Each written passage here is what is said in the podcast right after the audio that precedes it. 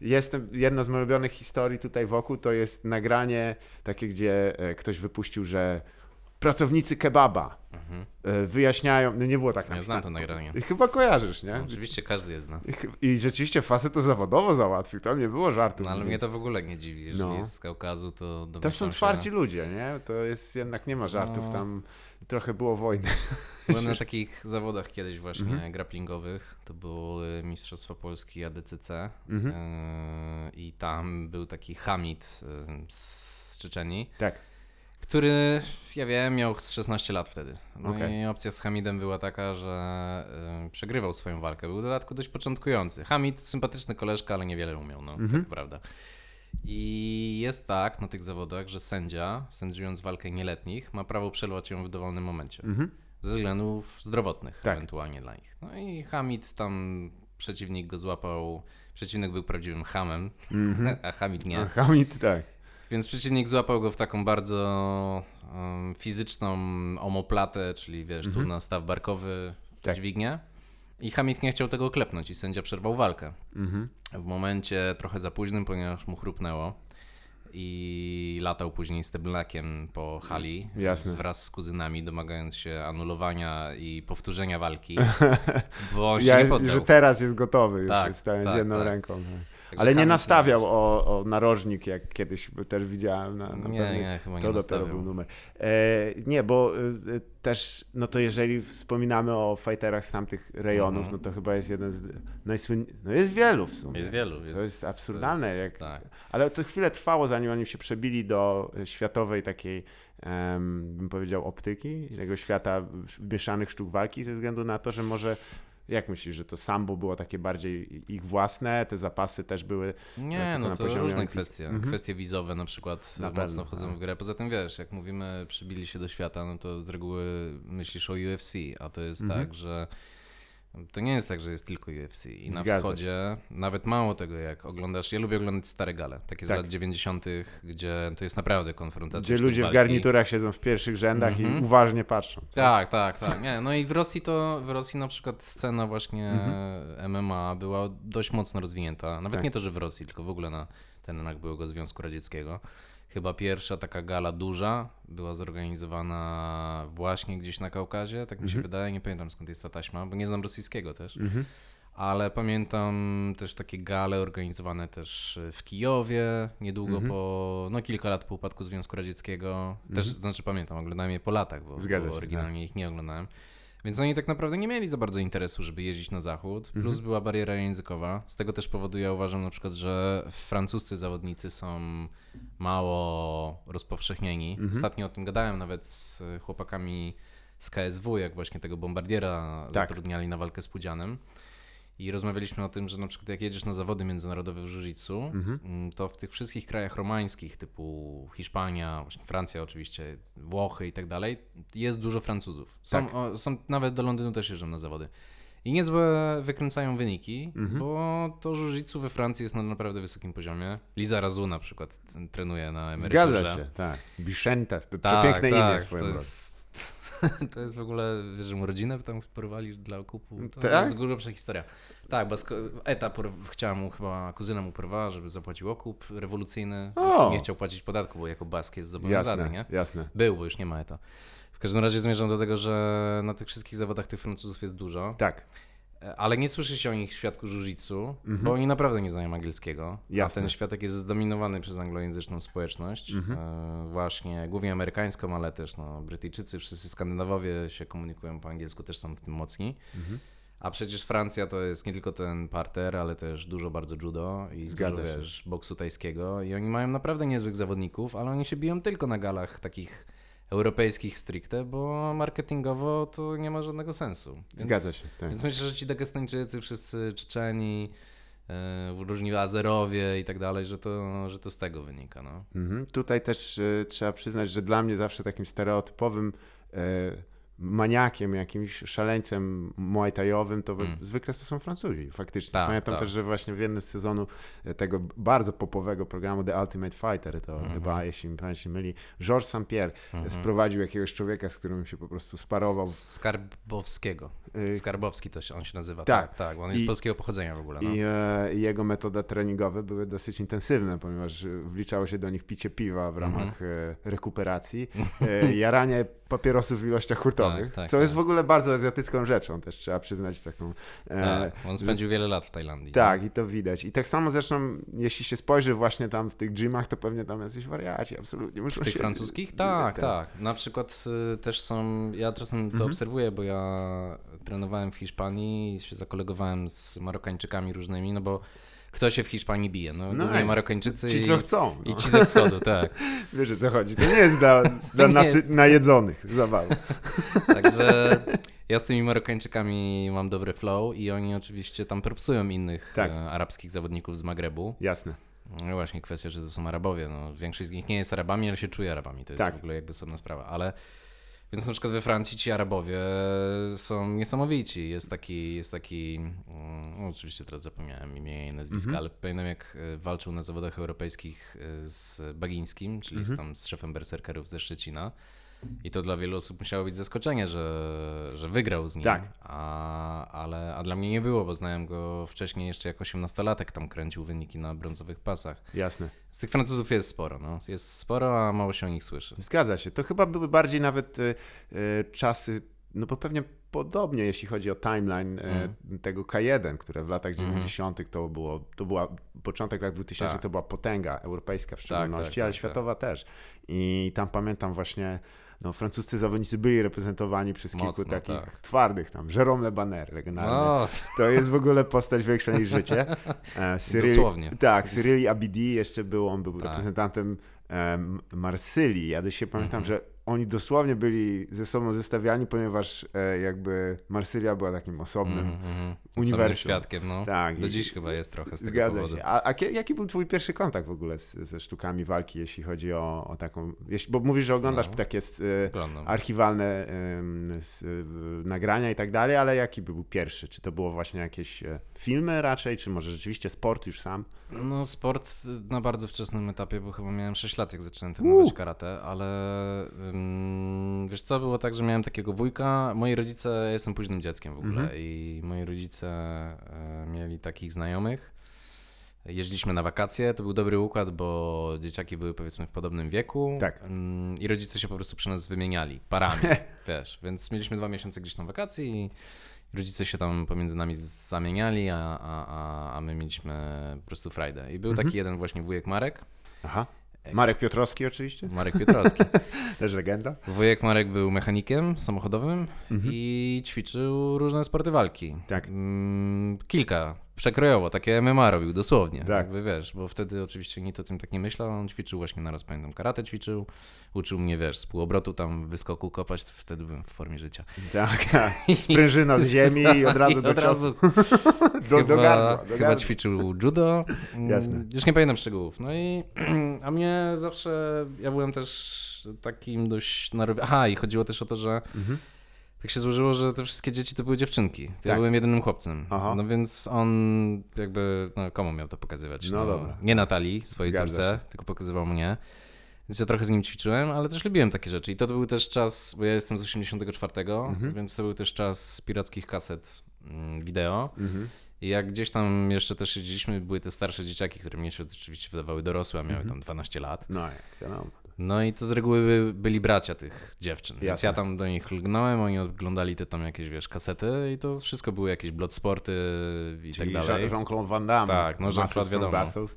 Ja nie wiem, jaki jest jego chyba status zawodniczy. On jakby umiał, ale... Tak, tak, tak, zdecydowanie. Ale to ja, a nie raczej bliskowschodnie, dalekowschodnie kino, nie, nie, bo pamiętam, że to też też czas, kiedy powoli ludzie zaczęli odkrywać Jackiego Chana w, w Polsce. Ja nie oglądałem Jackie Nie, Chana. Jackie Ja to, to- to Mhm. było jakoś, nie wiem, chłonąłem jakoś te takie inne produkcje. Jackiego Chana nigdy nie oglądałem, a jeszcze a propos Jean-Claude'a, to on w ogóle duży swój, bo on faktycznie był zawodni- zawodniczo też walczył, Zgadza się, tak. ale porzucił to na rzecz kariery filmowej, ale nie wiem, czy wiesz, że on ćwiczył balet. A, to do niego nie wiedziałem. Te jego słynne splity, które on robi, Jasne. to się wzięło między innymi z tego, że jako dziecko rodzice go na balet ym, Mm. ciągali. Zresztą on nie, jakby nie wstydzi się tego w żaden sposób i tak dalej. Mhm. Zresztą bardzo dobrze tańczy. Jest ta Tak. scena, z której się wszyscy śmieją, takim gifem została. Tak, on, jak on zaczyna się w, Tak. wczuty bardzo. To jest tam chyba naj, najbardziej e, mem, memiczne jest jego tak zwane Twa- wczuta. Nie wiem, jak to inaczej nagrać. The groove. po Tak, ale on Groove po is in prostu jest bardzo dobry. On zresztą tańczył w Tańcu z Gwiazdami później Zgadza z tego się. powodu. Natomiast jest taka słynna um, zakulisowa, no nie ma z tego żadnych nagrań, ale taka historia, jak, jak nałożył um, Seagalowi e, u szczytu jak byli, Ach, tak. Ponieważ e, no, Steven Seagal w przeciwieństwie do Jean-Claude'a e, był mocno spompowany, jeżeli chodzi o jego pseudoumiejętności. Oj, to I jest... podobno gdzieś tam za kulisami właśnie kiedyś doszło do scysji i, i Jean-Claude mu wypłacił tam dwa szybkie strzały i ich rozdzielili, no bo... No tak, bo, no to jest wiesz. jednak ubezpieczenie gdzieś tam pewnie i ktoś jeszcze za to odpowiada, choć słyszałem, że Bruce Lee miał tak właśnie Mm. kłopoty podczas kręcenia e, gdy zielonego Green Hornet. Green Hornet, e, tak. Że po prostu gdy się dowiadywali, to wtedy e, z całej tej, tej Bay Area e, przyjeżdżali mistrzowie różni i mówi, no to spro, dawaj. I wiesz, ludzie tak patrzyli, tak, ale co się będzie działo? No nic, no muszę się z nim bić. po prostu stawa, No. tylko że to wiadomo, trochę inny, inna rzecz, to nie jest jednak... A, puch, a Steven Seagal, to co on teraz wyczynia, to jest po prostu, no, postać e, zasługująca na osobne, e, choćby jego wizyty w Polsce są O. legendarne, a obecne e, też Białoruś odwiedzana. Też patologia tam też zahacza jego życie rodzinne, bo tam jakieś O, pozwy, Oj, tak. wiesz, on jest przemoc creepem, domowa. wiesz? On tak, jest ponoć tak. creepem dosyć ciężkim i, i to jest problematyczne. E, wiesz, e, mm, jeśli chodzi o ale z, karate tak, no bo to był chyba właściwie jeden z niewielu wyborów w tamtych Tak. czasach. Nie, nie można było, wiesz. Muay Thai to się pojawiło, pamiętam, i wszyscy Tak. oszaleli w pewnym momencie. To jest to! W końcu. Wygląda coś tak. e, No. I co ciekawe, pamiętam, że najpierw się pojawiło Muay Thai, a dopiero potem był Ong Bak. Ciekawe, nie? Tak, to prawda. że najpierw były typy, którzy. Da, zawsze był jeden koleś, który kopał wszystko. Po prostu. Wszystko, wszystko. kopał rzeczy. U mnie był taki Arek, on się właśnie musiał wzmacniać. Nie prostu łup, łup, i ja tylko, ja pierdolę, co, co to jest? Nie? Więc to było ciekawe. No. Karate, zapasy, te, te sportowe, to Nie, no. właśnie judo, to była taka wielka chyba trójca. No i boks. Wiadomo. I boks, no w Polsce Tak. jednak boks, to prawda. E, Więc, e, a z tego karate coś mm, długo później, czy? Nie, nie, jakieś parę lat trenowałem to karate, ale nie jakoś tam... Mhm. Wiesz co, to było też tak, że na karate akurat poszedłem, bo kolega mojego ojca ze szpitala, Mhm. jest chirurgiem i drugi chirurg był właśnie karateką i tam Jasne. współprowadził klub. Natomiast ym, To jego ciosy miały pewnie chirurgiczną, chirurgiczną precyzję. precyzję. Mnie to tam irytowało, bo oni, znaczy teraz uważam, że bardzo dobre były te zajęcia, Tak. ale wtedy mnie irytowało jako dziecko, bo oni robili nam bardzo dużo fizycznych po prostu ćwiczeń. A mało samej walki pewnie. I nie? było, I było jeszcze dużo kata, Tak, bo to był Shotokan tak, akurat, ja ćwiczyłem, są, wiesz, nie, nie, to nie był Kyokushin. Mhm. Natomiast było mało, stosunkowo mało sparingów. Jasne. Mm, a ja po prostu się chciałem bić. I, Jasne. i po to tam przychodziłem, żeby, żeby się bić i cały Tak. czas narzekałem. A nie stać w dwóch Tak, i robić pompki, no. I teraz jeszcze, jeszcze. No faktycznie, no tutaj y, sama historia karate też jest interesująca Tak, w tym, tak. że to jest taka troszeczkę jakby ze względu na wzrastającą popularność e, chińskich sztuk walki, e, Mm. no trochę wymyślona tak naprawdę forma, ponieważ jest Okinały. Z Okinawy, tak, tak. tak. zgadza się. I chyba nawet jest, jest jakaś tam kontrowersja, że ta wersja, która jest Mm. popularyzowana, to nie jest ta, zawsze tam jest coś, Jest że kilka tych stylów w ogóle, no nie wiem, no moim zdaniem Kyokushin jest najbardziej Tak. mm, realny Mhm. I... No to jest legitne, ludzie to Tak. używają, wiesz, widzisz czy nawet w Tak. MMA, gdzie ktoś Oczywiście, wstaje tak. i jak chodzi na tych nogach, to widzisz, oho, dobra, czyli No. trochę tam poskakał e, i widać, jest że sprawdzony po prostu. zgadza się i ten Tak. blitz, te szy, ta szybkość, to Tak. się przydaje, nie? No i też oni mają legendarnie jednak y, takie przygotowanie fizyczne. No. To są Zgadza goście, się. których możesz łożyć, wiesz, po brzuchu i oni tam wszystko Tak. przyjmują, więc... Y, No oczywiście jest polski wkład w karate, karate tsunami. Nie, nie, znam. Nie znasz Karate Tsunami? Karate Tsunami to jest, nie wiem, że to jest jakaś szurska wersja, Tak. gdzie się macha rękoma. Tak, tak, jeszcze od lat 90. walki łopatami. Okej. To jest świetne, bo, bo założył to taki gość, który próbował chyba właśnie w Shotokanie, ale Okej. nie pomnę w tej chwili, oczywiście słynny gość, ale zapomniałem nazwiska. Jasne. Założył własną organizację, jest to absolutne takie bullshido, tylko w wydaniu polskim Mm. i zbudowane jeszcze na tym, że skoro zaczęło się w początkach lat 90., to nikt nie mógł tego zweryfikować, wiesz, on tam Jasne. sobie sam nadał jakiś koralowy pas, Tak. dziesiąty dan. Tak, Nazywa się to karate tsunami, to nie jest żart, super. to Wow. nie jest beka. Trochę przypomina polskie ruchy narodowe też. Tak. tak, tak. Zresztą on chyba miał jakiś tam flirt, ja nie, ale może nie, nie pamiętam, może za daleko już idę, ale jak wpiszesz sobie na YouTubie, Muszę takim To musisz to zobaczyć. Jestem zafascynowany. Ja też, też oglądasz czasem te e, bu- bullshito właśnie takie, Tak, tak. Wybitne. mm, systema, uwielbiam systemy. Tak, tak. Jest, Tak. jest tutaj rzeczywiście chyba no, nasza wschodnia granica ma tutaj, przy, y, y, tam się pojawiają już te takie miksy e, Tak. Sztuk walki oraz ideologii jeszcze, które Mhm. rozwalają, choć y, krążące po internecie jedno z moich ulubionych zdjęć w ogóle, No. czyli e, włoska sztuka, e, szkoła walki nożem. Nie wiem, czy wiesz o co chodzi. Nie, nie. Słucham.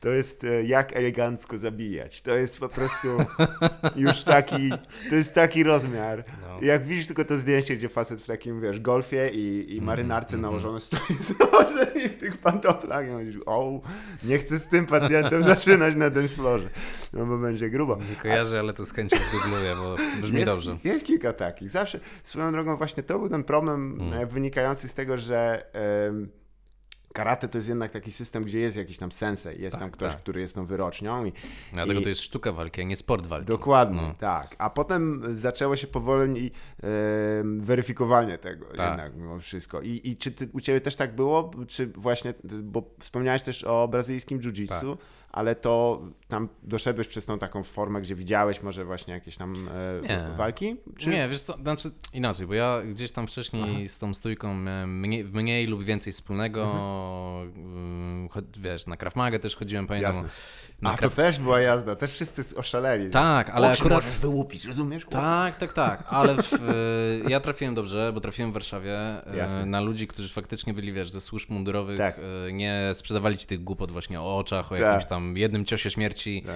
jakiś tam nie, tylko przyjeżdżali tutaj normalnie z Izraela instruktorzy, Tak. którzy ich szkolili w prawdziwych rzeczach i em, oni prowadzili kilka tutaj właśnie sekcji. Mhm. Ja chodziłem między innymi na uniwersytecie w ramach WF-u. Tak, okej. tak, to było bardzo dobre. No wiesz, dzięki temu mi- między innymi pan minister Czarnek może powiedzieć, że widzisz, agresywnych lewaków szkoli. Agresywnych lewaków wyszkolił. No i właśnie pamiętam, że przyszedł taki chłopak, który faktycznie był. E, agresywny to nie był, ale, ale był takim z lewackiej sceny muzycznej dość e, znana postać. Tak. I on trenował równocześnie właśnie boks tajski. Jasne. Pamiętam, jak mieliśmy jakiś tam taki lekki sparring, wiesz, tylko z plaskaczami. Aha, I ja trafiłem na niego w parze, co w ogóle było absurdalne, bo on miał Jasne. prawie chyba 1,95 m, a ja jestem niższy o dwie głowy. tak. Ale pamiętam, że podszedłem do tego tak na takim dość dużym luzie. Jak mi wypłacił pierwszą serię, to nie wiedziałem, gdzie jestem. w ogóle. Natomiast chodziłem na tą Krav Magę, później na jakieś inne rzeczy. Miałem, bardzo byłem na przykład w pewnym momencie wkręcony w capoeirę. To Tak. jest na przykład ciekawostka, Jasne. że ona się w pewnym momencie zrobiła modna w Warszawie. Po co poszedłem na capoeirę? Mhm. Bo chodziło tam mnóstwo dziewczyn. Zgadza się, tak. Ja miałem 22 lata. Tak jest. No i chciałem poznać dziewczyny. Zgadza się. I to były super dziewczyny, studiowały, były zainteresowane światem, wiesz, uczyły się portugalskiego i tak dalej, więc akurat atmosfera była... Rozciągnięte. Nie chcę teraz mówić, ale chodzi o życie sportowe. Też. Stary, nigdy w życiu nie byłem tak rozciągnięty jak... Chodziłem pięć razy w tygodniu, Dokładnie. yy, czasami dwa razy dziennie, bo się przepisałem na WF-ie. Ten WF Uniwersytetu Warszawskiego Tak. się robi coraz bardziej atrakcyjny. O, wyrzucili mnie ze ścianki spinaczkowej raz. No właśnie. Zostałem to- wyrzucony. Słuchaj, ale na, we Wrocławskim to był jakiś ping-pong. To, było, to był maks. Tego No. co pamiętam, było nic. Więc kurczę, ale to dużo, tylko że to też pokazuje, że... Dużo, dużo, no ale Mhm. wiesz co, jeszcze prac... bo studiowałem na dwóch kierunkach i pracowałem, No więc to słuchaj. nie to, spałem po prostu. Tak jest. Coś trzeba, z czego trzeba zrezygnować. No, Trzeba natomiast zmierzam do tego, że to był taki okres, to były lata jakoś tak 2006-2007 Mhm. mniej więcej. I to bardzo ciekawe, bo dużo osób z tego środowiska capoeiry równocześnie gdzieś zaczynało w tym MMA warszawskim. Tak. Wtedy MMA prowadził tylko Mirek Okniński na hali Gwardii w Warszawie. się, tak. Był też niby klub sambo, ale powiem tak, mój kolega po pół roku Mirka poszedł raz na to sambo się spróbować i tam poskładał wszystkich Aha. w pierwszej rundzie, więc jakby to Tak, chyba wszystko... Koleś z ulicy wchodzi i tam, jak, jak w filmie po prostu. Tak. jest O, o, To niedobrze. jest w ogóle ciekawe, że Polska będąca pod takim wpływem mm, Rosji przez tyle Zgadza lat się. nie rozwinęła sambo. Nie, nawet to nie, nie istnieje w Nie. jakiejś percepcji przesadnie. Większość ludzi nie ma pojęcia o co chodzi. Tak. To jest sambo, co tańczysz, Brazylia? Tak, tak. To brzmi jak Wiesz. jakieś imię niedźwiedzia. Tak, bardzo, tak, tak, tak. Może tak. dlatego, ale nie, faktycznie tutaj w ogóle Polska jest takim ciekawym przykładem. Dziwnym przykładem, no. Bo właśnie wracając jeszcze na pół sekundy do tego No. K1 i, i Fight Clubu, Tak. który na, w telewizji Eurosport e, Tak. leciał ten program. Jak, Pamiętam. Bardzo dziwnie mm, montowany. Ja do dzisiaj nie Tak. rozumiem, jaki był dobór tych walk. I ja myślę, że komentatorzy musieli tak, no dobra, no to to pokazują w takim wypadku. Przypadkowe walki z, z różnych miejsc, ale głównie K1 Przypadkowe walki. faktycznie. I Mhm. pamiętam, że jedno z niesamowitych jakiś, teraz będę miał problem, żeby dokładnie wymienić, ale Remi Bądziaski się bił, czy Boniaski, Tak, Boniaski. jako, e, będziemy czytać. No ale on jest Holendrem. Jest Holendrem, Mhm. czyli Boniaski na punk. E, I e, jeśli pan się myli, to właśnie z Markiem Piotrowskim chyba? Boniaski? To chyba nie te czasy. Piotrowski już chyba był na emeryturze. może być już nie, nie wiem czy z polskim zawodnikiem, czy gdzieś z okolic, Mhm. albo z Karajewem, e, czyli z Ukrainy e, zawodnik. no Może, bo może, wiadomo, no, no, no. Ukraińcy Tak, i Białorusini też mocno. No i Biał... No tak. Bardzo nawet. Białoru... Białoruś mocno, no. I tu ciekawostka, bo właśnie pan, ciekawostka podana przez czyjeś usta, bo komentator mówi, i tu nie jest to ich pierwsze spotkanie, ponieważ kiedyś stoczyli walkę e, na dyskotece w Korzowie. Więc to za spotkanie światów. Niesamowite. To, jest ta sama walka, którą, ta sama gala, gdzie się bił Jean-Claude. Najpewniej. Gdzie Marcin Najman otrzymał dwa ze swoich trzech pasów e, Tak. Ale faktycznie, wiesz, jako takie spotkanie No. e, sfer, to myśmy mieli naprawdę wpływy całego, całego świata. tak, ale takie dziwne, no. Bardzo. Były fady takie wyraźnie. No a potem rzeczywiście zaczęło królować. E, chyba ze względu na to, co wspomniałeś, że, że UFC było, jest taką absurdalnie e, spójną. Zagarniającą. Tak, taką profesjonalnie, po amerykańsku s- zrobioną jak, jak komputery Apple, po prostu Mhm. obłom trochę miejscami. Ja nie lubiłem UFC. Tak. Pamiętam, e, lubiłem kanał Extreme Sports Channel, na którym leciały gale UFC. Tak. Ja uważałem, że to jest słabe, Tak. bo ja oglądałem Pride. Pride, tak. To był czas, kiedy trzeba było tak. wybrać drużynę. Pamiętam, że- Żałuję tego trochę dzisiaj, bo, bo dużo gal mogłem obejrzeć fajnych, których po prostu nie oglądałem, bo Tak. uważałem, co ci Amerykanie tam. Ci, popatrz, to ci się leją 3 razy 15 minut Mm, i potem tak. jest dogrywka. Soccer, Nie- kiki. Niezbliż, nie, nieokreśloną ilość e, minut. Właśnie japońskie e, e, MMA Tak. to jest w ogóle chyba historia na książkę to minimum, bo to jest Mhm. niesamowite, co się tam działo, nie? że to są, Mhm. zaczynało od wrestlingu tak naprawdę, Tak, który, no tak, tak, który tak. stał się tak prawdziwy, że stwierdzili, no dobra, to nie ustawiamy go. Znasz historię Tygrysiej Maski? Wiesz, że to jest prawda? Tak, tak. Że, to, to znaczy, e, jak się nazywał ten facet, który. On jest jednym z założycieli tak, Tak. naprawdę MMA w, w Japonii. Wiesz co, On, Ri, Saku- Riku, Riku Dosen? Tak się chyba nazywał? tak. No, niesamowici ludzie w ogóle, bo Mhm. oni jednocześnie, jeśli się potem spojrzy, że, że em, na sam koniec kariery, e, wiesz, tam patrzysz i on, no miał tam, y, był mistrzem e, na jakiś tam punk race'u, potem w Pride'zie zdobył wagi, wagi ciężkiej, Tak. potem nagrał sześć płyt, wystąpił się, tak, kiedy on miał czas i, i tak, wiesz, i tam występował w filmach, to się, co to za życie było dziwne. No dobra, ale to też możemy sięgnąć, bo ja się bardzo w to wkręciłem w Tak. tym momencie. Możemy sięgnąć do przyszłości, jak to było, Mhm. bo nie wiem, czy wiesz, że MMA de facto trafiło do Europy jeszcze przed pierwszą wojną światową. Tak? Właśnie za sprawą Japończyków. Jasne. To jest przedziwna historia, no bo Aha. w ogóle zaczyna się od judo, które dziś się oczywiście kojarzy, że wiesz, przewrócisz e, Tak. typa i pos- jakby Koniec. cześć, nie? Szarpanie się za fraki, Tak. szczególnie. Ktoś cię, kogoś łapiesz No. za wszarz i leż. Natomiast to judo przed wojną było taką naprawdę. Było w ogóle wiele szkół. Wiesz, jiu-jitsu, Mhm. które się kiedyś nazywało jiu-jitsu, no to były te formy walki wręcz. Tak. Tam różne oczywiście krążą historie na ten temat. Różnie było. No, samuraje się szkolili w tym, jakby ich strącili z konia, Tak. albo w tłumie, ale też chłopi na przykład, y, tak, chociaż z chłopami to tam słyszałem, że różne są te wersje, Mhm. że to wcale nie były takie ludowe sporty walki, jak się niektórym wydaje. No ale nieważne, było dużo szkół tego jiu-jitsu. No i był ten Jigoro Kano, który założył judo, Tak. wymyślił judo, tak? I to było dlatego, że on był stosunkowo mały, nawet Mhm. jak na Japończyka. Mm, potrzebował znaleźć sobie takie ruchy, gdzie mógłby właśnie, musiał sobie wyczaić to, że wiesz, musisz moment trafić, że Mhm. jest, y, musisz jakby mm, przeciwnika siłę skierować przeciwko niemu samemu i tak dalej.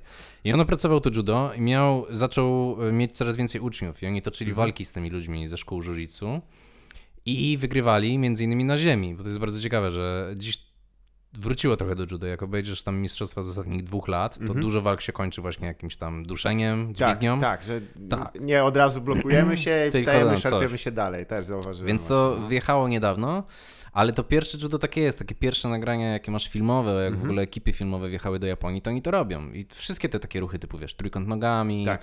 i, i, i jakieś tam e, nożycowe obalenia, a później, wiesz, jakieś e, dźwignie na, na kolano, Mhm. wszystko to było. No i na czym polegał problem? Nikt nie wiedział, co to jest judo poza Japonią, Jasne. a wszyscy znali nazwę jiu-jitsu, bo ona się rozprzestrzeniła za pośrednictwem e, no, dyplomatów, podróżników i tak dalej.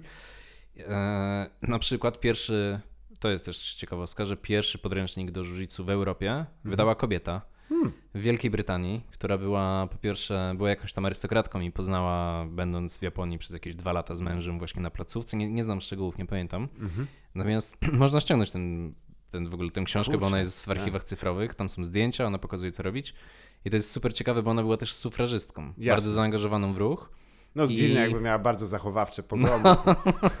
Natomiast był skandal w Wielkiej Brytanii i to Tak. jest super ciekawe, bo powstał też film e, taki mm, fabularny, gdzie w postać nią inspirowaną wciela się Helena Bonham Carter.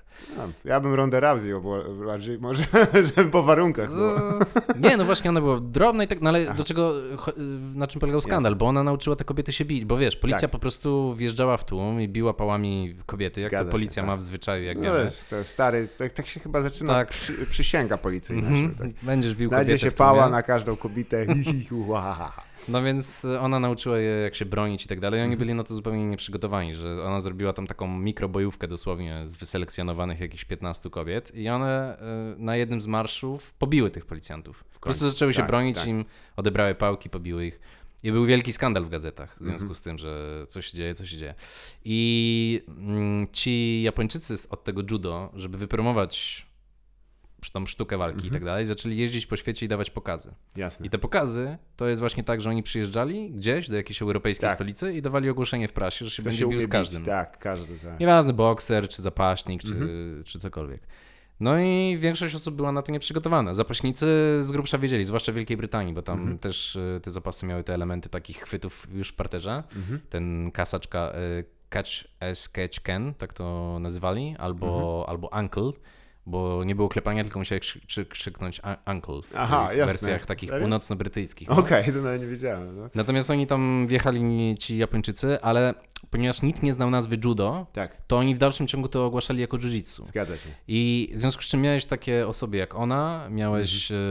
e, o na przykład Sherlock Holmes e, walczy taką sztuką walki, która się nazywa Baritsu. Jasne, tak. Jest to scena w wodospadzie, gdzie on z tym Moriartym, oni obaj walczą, Tak, tam i on go ginie. przerzuca Tak. przez ramię sprytnie. Tam. No to to się wzięło z tego, że był właśnie gość e, w Londynie, który nauczył się jiu-jitsu, tylko chciał Mhm. to trochę inaczej sprzedać, że tutaj laski dla dżentelmenów, że Okej. marynarki, nazwał to właśnie tam chyba Baritsu.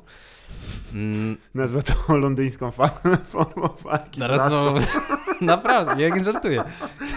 Totalnie to był. I właśnie Arthur Conan Doyle do niego Tak. chodził na jakieś tam lekcje. Zgadza się. Ale na przykład we Francji powstało dojo w Paryżu, które założył chyba trzeci czy czwarty zwycięzca Tour de France. Okej. I on Wow. sprowadził Japończyka na stałe, żeby on ich uczył się bić. Jasne. No i teraz, dlaczego to wszystko zniknęło? Najbliżej Polski to było chyba w Berlinie. Mam takie zdjęcia, bo kiedyś tam kolekcjonowałem jakieś stare fotografie sportowe. Mam takie zdjęcia, e, jak właśnie kobieta e, jest tajną agentką policyjną Okej. i prezentuje właśnie dźwignię na łokieć, wiesz. No, w Polsce pamiętam z tego czasu był e, dość memiczny, też poszedł Mhm. szeroko po internecie poradnik, jak dla zdrowia się tarzać. To też było. Znam to. jest Miałem to nawet na zdjęciu w tle na Facebooku. Tak, to wygląda w ogóle jak fake, ale to się zdarzyło i niektórzy No. mówią, ja myślę, że to było wtedy już dla jaj wydane trochę. tak Może, to nie nie nie Bo czasami się, wiesz, jak im, im częściej słyszał właśnie takich, bo popatrz, ten sam mniej więcej, zaraz wrócimy oczywiście Tak. dlaczego to się cofnęło, ale popatrz, że e, ta sama taka rezurekcja tych, z tym zainteresowaniem, podobne mniej więcej połączenia, gdy właśnie Bruce Lee i jego, Tak.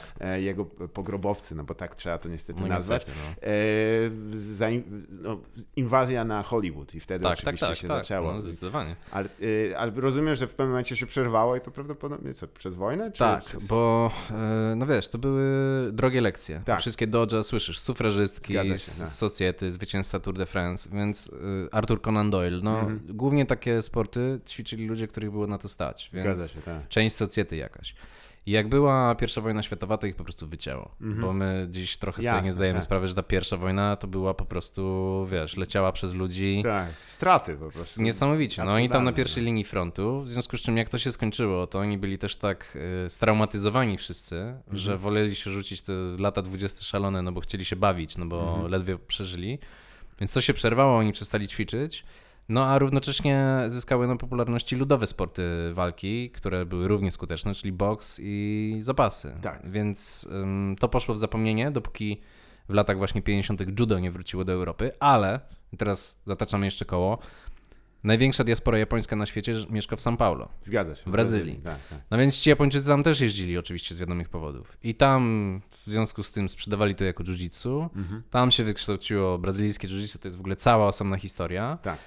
Następnie było tak, że amerykańscy ci właśnie zapaśnicy jeździli do Stanów, żeby ich uczyć, jeździli przepraszam do Japonii, żeby ich uczyć wrestlingu. Zgadza się. No bo wrestling był wielki też w Japonii pod wpływem No, Bo to jest amerykańska, Amerykańska, kultura, ta. prawda, która jest tam e, rozdmuchana w Tak, sposób... Be- ale- Poza tym niektórzy nie wiedzą, że najpopularniejszy sport w Japonii to jest baseball. Tak, no tak, no oczywiście, że tak. No, są gwiazdy, wiedzą. to jest niesamowite. Tak. Natomiast zmierzam do tego, że wiesz, ci zapaśnicy, jakich prześledzisz, ci, którzy tam jeździli, Mhm. no to nie były klauny z siłowni, jak Tak. niektórym się wydaje, tylko to byli solidni faktycznie zapaśnicy z bazą zapaśniczą, bardzo często w dodatku w tamtych latach. Czyli to byli goście, którzy przyjeżdżali do Japonii na przykład w latach 60., 70., Mhm. więc jeszcze z lat 40., a już byli starsi, więc z lat 40. mieli tą bazę właśnie z takich zapasów ludowych, gdzie były różne dźwignie duszenia. Mhm. Oni uczyli tych Japończyków tego, żeby robili to na ringu, wiesz, żeby tak, Tak. pokazywali. No, Tak.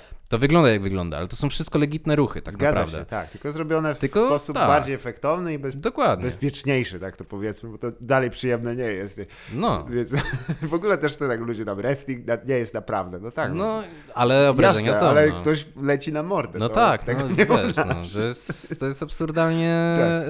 y, Obciążające. Tak, Uff, no straszne, wiesz, tak. mnie boli od samego słuchania. No, No i żeby to wszystko skrócić, wiesz, zaczęło się z różnych powodów waletudo Mhm. w Brazylii, które się spięło z tym, że w Japonii szukali trochę większej rozrywki. Pierwsza taka walka to był przecież Muhammad Ali przeciwko... Wielki Inoki, tak. Tak, tak, Która dokładnie. jeszcze niestety była bastem, bo e, no, Ino, Inoki nie chciał chyba za bardzo się boksować, o dziwo, z, z, z Muhammedem Ali, a Tak, ten nie tak. chciał wchodzić w parter, kompletnie go to nie interesowało. No Zresztą i to też- chyba Aliego karierę zakończyło, bo zobacz, tam Inoki mu okopał nogi strasznie Bardzo mocno, z tak, tego. I on się. już zauważ, że nigdy później on się nie ruszał tak samo. Nie, no to Ali w ogóle, zaczął wiesz, przegrywać dopiero wtedy. Dla człowieka, który nie wie, jak, jak bolesne Tak. i paskudne jest kopnięcie w nogę przez kogoś, kto potrafi kopnąć, No, no. Jeden. Przyjmij sobie jeden i zobacz po, po tym, i pomyśl Tak. sobie, że dwa i takich z 30. No I, tak, tak. I to zawodowiec. To jest coś strasznego po prostu. no i skrót tego wszystkiego jest taki, że Brazylijczycy wypuścili Valetudo na Japonię trochę, Tak. to się zbiegło w czasie. Powiedzmy, skracam, bo już nie chcę mi się o tym aż ty, tyle opowiadać. Równocześnie wyeksportowali to na Stany, bo to przecież UFC też się zaczęło od Brazylijczyków. Zgadza się. I to wszystko się zaczęło kłębić w sobie, równocześnie Rosjanie to gdzieś tam oglądali i mamy takie trzy miejsca, cztery miejsca, no to Brazylia, Japonia, Stany i Związek Radziecki, czyli już w zasadzie Rosja. No i rodzi się MMA, nie? w bólach. Tak, ale no międzynarodówka taka, która jest obecnie, Tak. ze względu na to, że chyba właśnie w końcu y, pojawiła się też nie w takim wymiarze jak w boksie, bo tam Mhm. dalej te pieniądze są absurdalne. absurdalnie wysokie, E, tak. Co też sprawia, że ten sport mm, właściwie no, przez ostatnie kilka, no może teraz trochę lepiej, ale uch, ależ to jest... I to właśnie do tego chciałbym przejść, bo Mhm. y, też początki MMA w, e, w tej formie, którą znamy dzisiaj, ten Pride i te Mhm. wszystkie, to też są mm, no, inherentnie związane ze sportami walki e, półświatek tak zwane. A, nie? to I tak, oczywiście, że tak. No. E, I tam, e, jeśli chodzi o Pride i tak dalej, to tam się pojawiali tacy bardzo e, interesujący ludzie. Mhm. Czy, czy coś o tym słyszałeś, jeśli Tak. chodzi o to? Bo ja wiem, że też się zajmowałeś trochę innym tym aspektem, e, jeśli chodzi o e, związki sportu i... Mhm. I przestępczości? Tak jest, ale może zacznijmy od MMA właśnie, bo e, czy myślisz, że tam dużo było tych walk ustawianych w Pride, czy to... Słyszałem, że sporo. I nie tylko w Prajdzie. Tak. E, również na przykład w tym Pankrationie wcześniejszym. Mm, Niektórzy zawodnicy o tym opowiadają zresztą otwarcie. A Mark Coleman z tego co No, tak, pamiętam, Mark Coleman mówił jak Dzieci chciały jeść. Tak, no ale dosłownie, no wiesz, no zaproponowali mu tam pieniądze. Tak. Były tam jakieś takie rzeczy, słyszałem. mm, Już nie pamiętam właśnie, więc nie będę podawał, Tak. ale że były jakieś tam gwiazdy japońskich, któremu zapłacili jego przeciwnikowi, żeby wyszło poza pierwszą rundę. Okej, jasne. Więc sporo musiało być ustawianych walk, naprawdę Tak. sporo. To też musiały być szalone czasy mimo wszystko, Tak. bo mamy rok, załóżmy 90, lata 90, początek jak 2000, to jest tak, Tak. naprawdę dla wielu tych ludzi pierwsze takie spotkanie e, Tak. w takiej formie. No i to też się widziało na ringu, e, bo tam te walki, to był ten taki moment, gdzie te freak fighty były Niesamowite. niesamowite po prostu. No ale też zobacz, jak ci ludzie wyglądają. Popatrz na przykład na Wanderleya Silva w Pride'zie, a Zgadza później się. na jego UFC jest o połowę mniejszy. Tak, wiesz. no nie, bez powodu w kontraktach Pride było zapisane, że nie mogą Nie być mogą kontrolowani. I to ludzie e, często nie wiedzą, co to zmienia. No zmienia, że, że no, głowa czyjaś jest większa znacznie. I To No tak, powiedział tak. jeden z ekspertów, że bierze dragi, od których rośnie łeb. Słuchaj, ja czytałem o tym Pradzie bardzo dużo na Tak. temat związków z Jakuzą, no bo o to chodzi, że Jakuza Tak. założyła to jako front do prania brudnych pieniędzy. Zresztą oni to na takiej największej arenie sportowej w Tokio organizowali. Saitama Arema, tak. Tak. No i mm, problem polega na tym, że w Japonii w ogóle. Pierwsze zacznijmy od tego, że nie znam japońskiego. Jasne. To jest, myślę, że istotne. Co jest bardzo tak, ważne, bo istotnym jest czynnikiem. Bez znajomości tego to się tak naprawdę elementy tej kultury to się zdają Tak. jak, jak bardzo obce jednak. Tak, ale masz na szczęście w anglojęzycznych źródłach Mhm. dość dużo informacji na ten temat. Nie tylko na ten temat, no w zasadzie każdy temat jak poszukasz. Tylko problem polega na tym, że w Japonii wiele rzeczy jest niedoraportowanych. Tak. W takich em, właśnie skandali, no nie wiem, no na przykład y, opcja, z którą to takim wielką międzynarodową korporacją był skandal, jak przekręcali wyniki finansowe z Samsungiem? Nie, E, sam, nie. Samsung jest chyba koreański, koreański. Dokładnie. Em, ale no tam ludzie siedzą za to, co mnie cieszy. Pierwszy raz od dawien dawna widziałem prezesa z mm bransoletkami takimi odpowiedniego I to metalu. syna założyciela, czy tam wnuka założyciela, to prawda. I to chyba prawdopodobnie też pani prezydent posiedzi za to, bo Mhm. e, tam było już grubo. I Ona siedzi już, ale za siedzi. coś innego. A ona siedzi za to, że ją wiedźma chyba coś tam za bobą muciła. A, to jest Wiedźma jest historia. złym tłumaczeniem, tak, rzecz tak, jasna, ale to też jest historia, którą wow. Tak. Wow. No, Natomiast z tymi Japończykami, no. t- Tam wiem, że dużym e, konfliktem Mhm. było to, że telewizje dwie e, rywalizujące Tak, tak, tak, naprawdę tak, tak. miały prawa do, e, do, wyświetlania. do wyświetlania i to jeszcze przy styku osób, które jeżdżą e, nawet do najmniejszego sklepu na rogu Mercedesem 320 e, e, koni i noszą specjalne garnitury. Co mi się zawsze podobało w Jakuzie, że tam był pewien taki dress code. E, Dress code? tak. Ale widzisz, on właśnie jest też zudliwy. Ten Tak, dress na pewno tak nie taki- wygląda. To, to przez te gry. Wszyscy myślą, że tak, Tak, jak w tych ja, nie no, to, ten temat też dość dużo badałem Aha. i to, no sam oczywiście garniturowi, jakuzowcy i tak dalej, Jasne. to nie znaczy, że oni tak na co dzień chodzą. ym, Tu trzeba podziękować Takaszemu Mikę za to, że tak, e, i drugiemu Takaszemu Kitano za to, że nam pokazuje te, po raz tysięczny ten sam, sam ten schemat. sam schemat, ale to są No, wspaniali ludzie. Jest Nie. na przykład, wiesz, jest y, bardzo niedoraportowana tak naprawdę poza tymi, którzy się Mhm. interesują, kwestia tych najniższych rangą jakuzowców, którzy muszą, którzy są taką klasą pracującą tego Mhm. świata przestępczego i którzy muszą się opłacać tym, którzy stoją wyżej i był taki moment, zresztą nie będę się w historii jakuzy najnowszym wkręcał, ale Mhm. jak ym, faktycznie władze japońskie przycisnęły ich, bo, Tak. bo teraz już mogą, z różnych powodów doszło do różnych zmian. I na przykład ci nastąpił duży odpływ, Tak. ponieważ ci najniższą rangą nie byli w stanie z przestępczego życia już wyżyć najzwyczajniej w świecie i zaczęli trafiać, wiesz, do tam urzędów pracy i tak dalej, Tak. bo no, więc tak było. A tutaj Ale z- to chyba żadnej pracy, której trzeba ściągnąć koszulę, to raczej nie. Nie, nie, no jest to, jest to w dalszym ciągu dość takie. Zresztą nie tylko w Japonii, wiesz, w Korei na przykład też tatuaże są nielegalne. Wszystkie studia tatuaży w, w Korei Południowej działają tak na, y, na totalnym nielegalu. To niesamowite, to nie wiedziałem. Jakby tam im, wiesz, weszli do studia, to, to no jest sprawa, rekwiracja, tak. to jest, Ja bym jest też chciał dziwne. wszystkie te, co robią ten taki las na ramieniu, bo, Mhm. już, bo już mam nawet na, na telefonie notatkę i już widziałem typów z tym. Chyba z 15. No. I bardzo jesteście wyjątkowi, moi drodzy.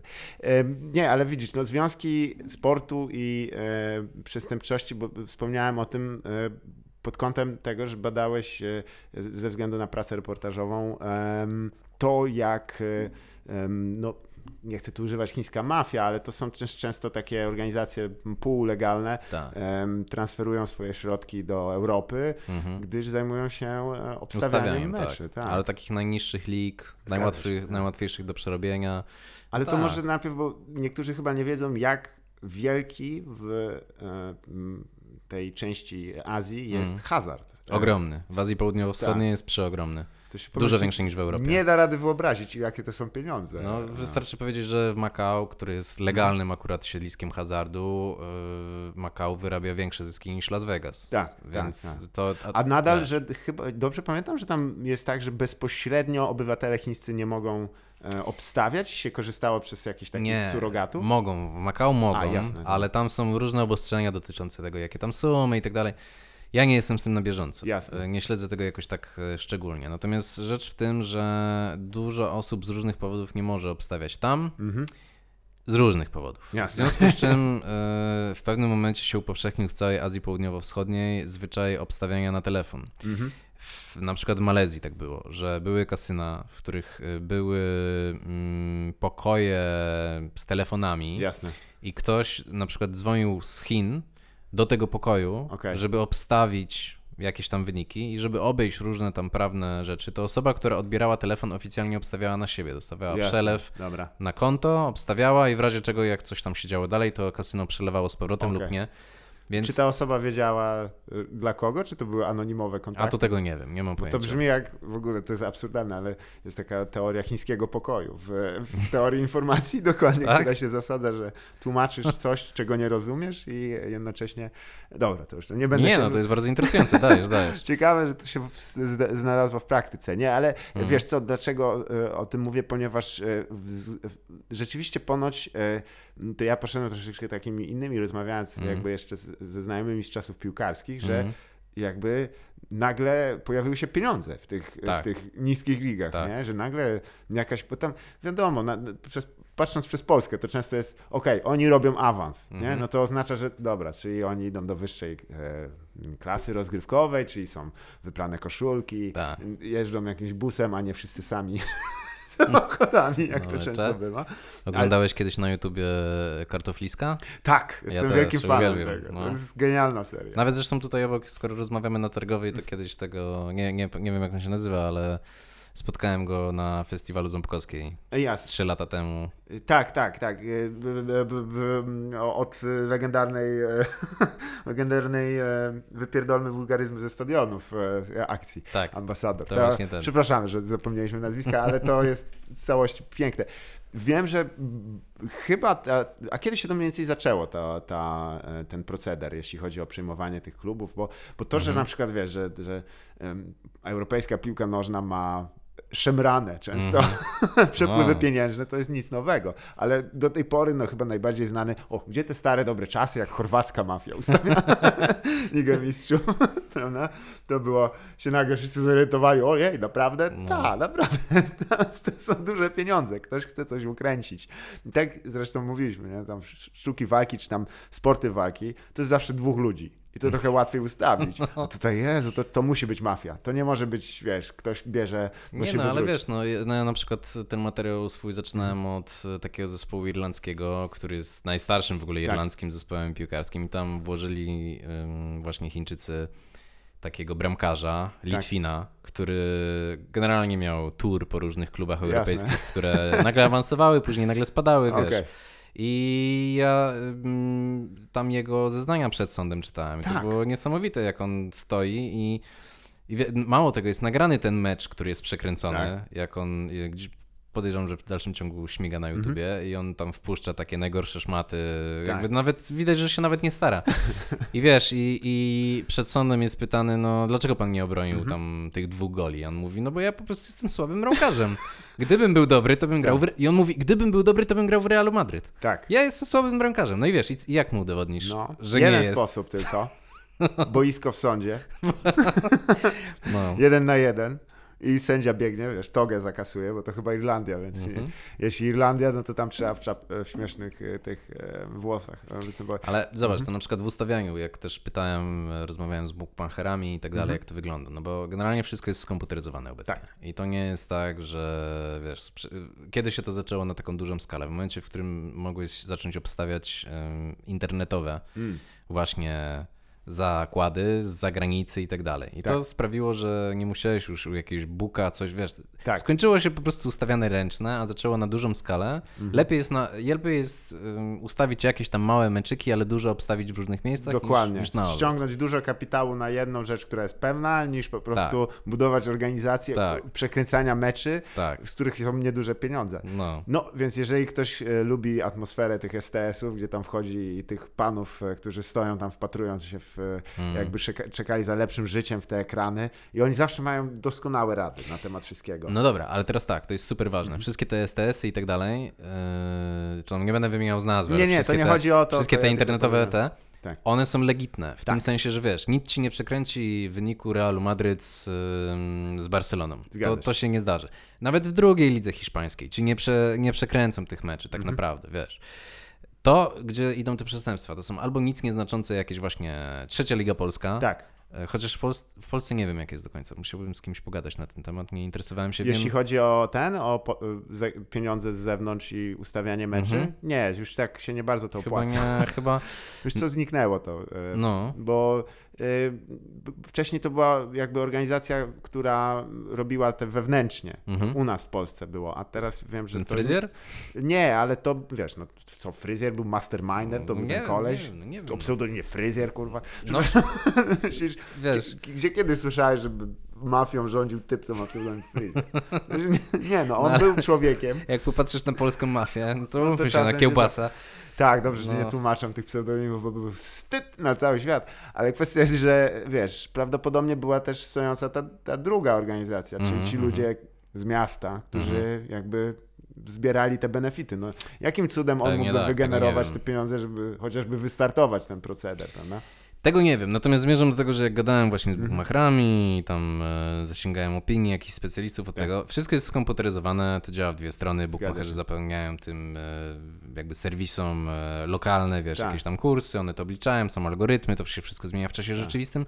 Trudno jest przekręcić tak naprawdę ten system, więc jak Zgadza to się. działa? To jest na reklamach poza tym. Jeżeli Tak. coś jest na koszulce e, Tak. Roberta Lewandowskiego, To to, znaczy, jest... że jest to bulletproof. Da, raczej Więc gdzie są słabe punkty? No albo możesz wstawić tego Litwina, co puści dwie Tak. bramki, ale rzecz w tym, że oni, i to jest też ważna sprawa, że ta firma, która ogarnia te wszystkie algorytmy, to jest bardzo nieoficjalne. Oni tego oficjalnie w żadnych Mhm. komunikatach nie wypuszczają, ale to jest już w wielu miejscach o tym czytałem i sam też to przytaczam w związku z tym w tekście, że oni prowadzą mm, rejestr tak. Mhm. tych oszustów. Tak. I oni, algorytm ma to pod uwagą i jak ten Litwin, wiesz, tam przejdzie do kolejnego klubu, to Jasne, to jest oflagowany. pewnie. jest oflagowany i tam, jeżeli nagle gdzieś się pojawią, wiesz, jakieś zakłady, nagle Tak. ktoś obstawia mecz jego drużyny, to to wypadnie. Więc to, to nie jest taki super system. Więc gdzie oni oszukują tak naprawdę? No, rzecz w tym, że na wielu takich bardzo niskich ligach Mhm.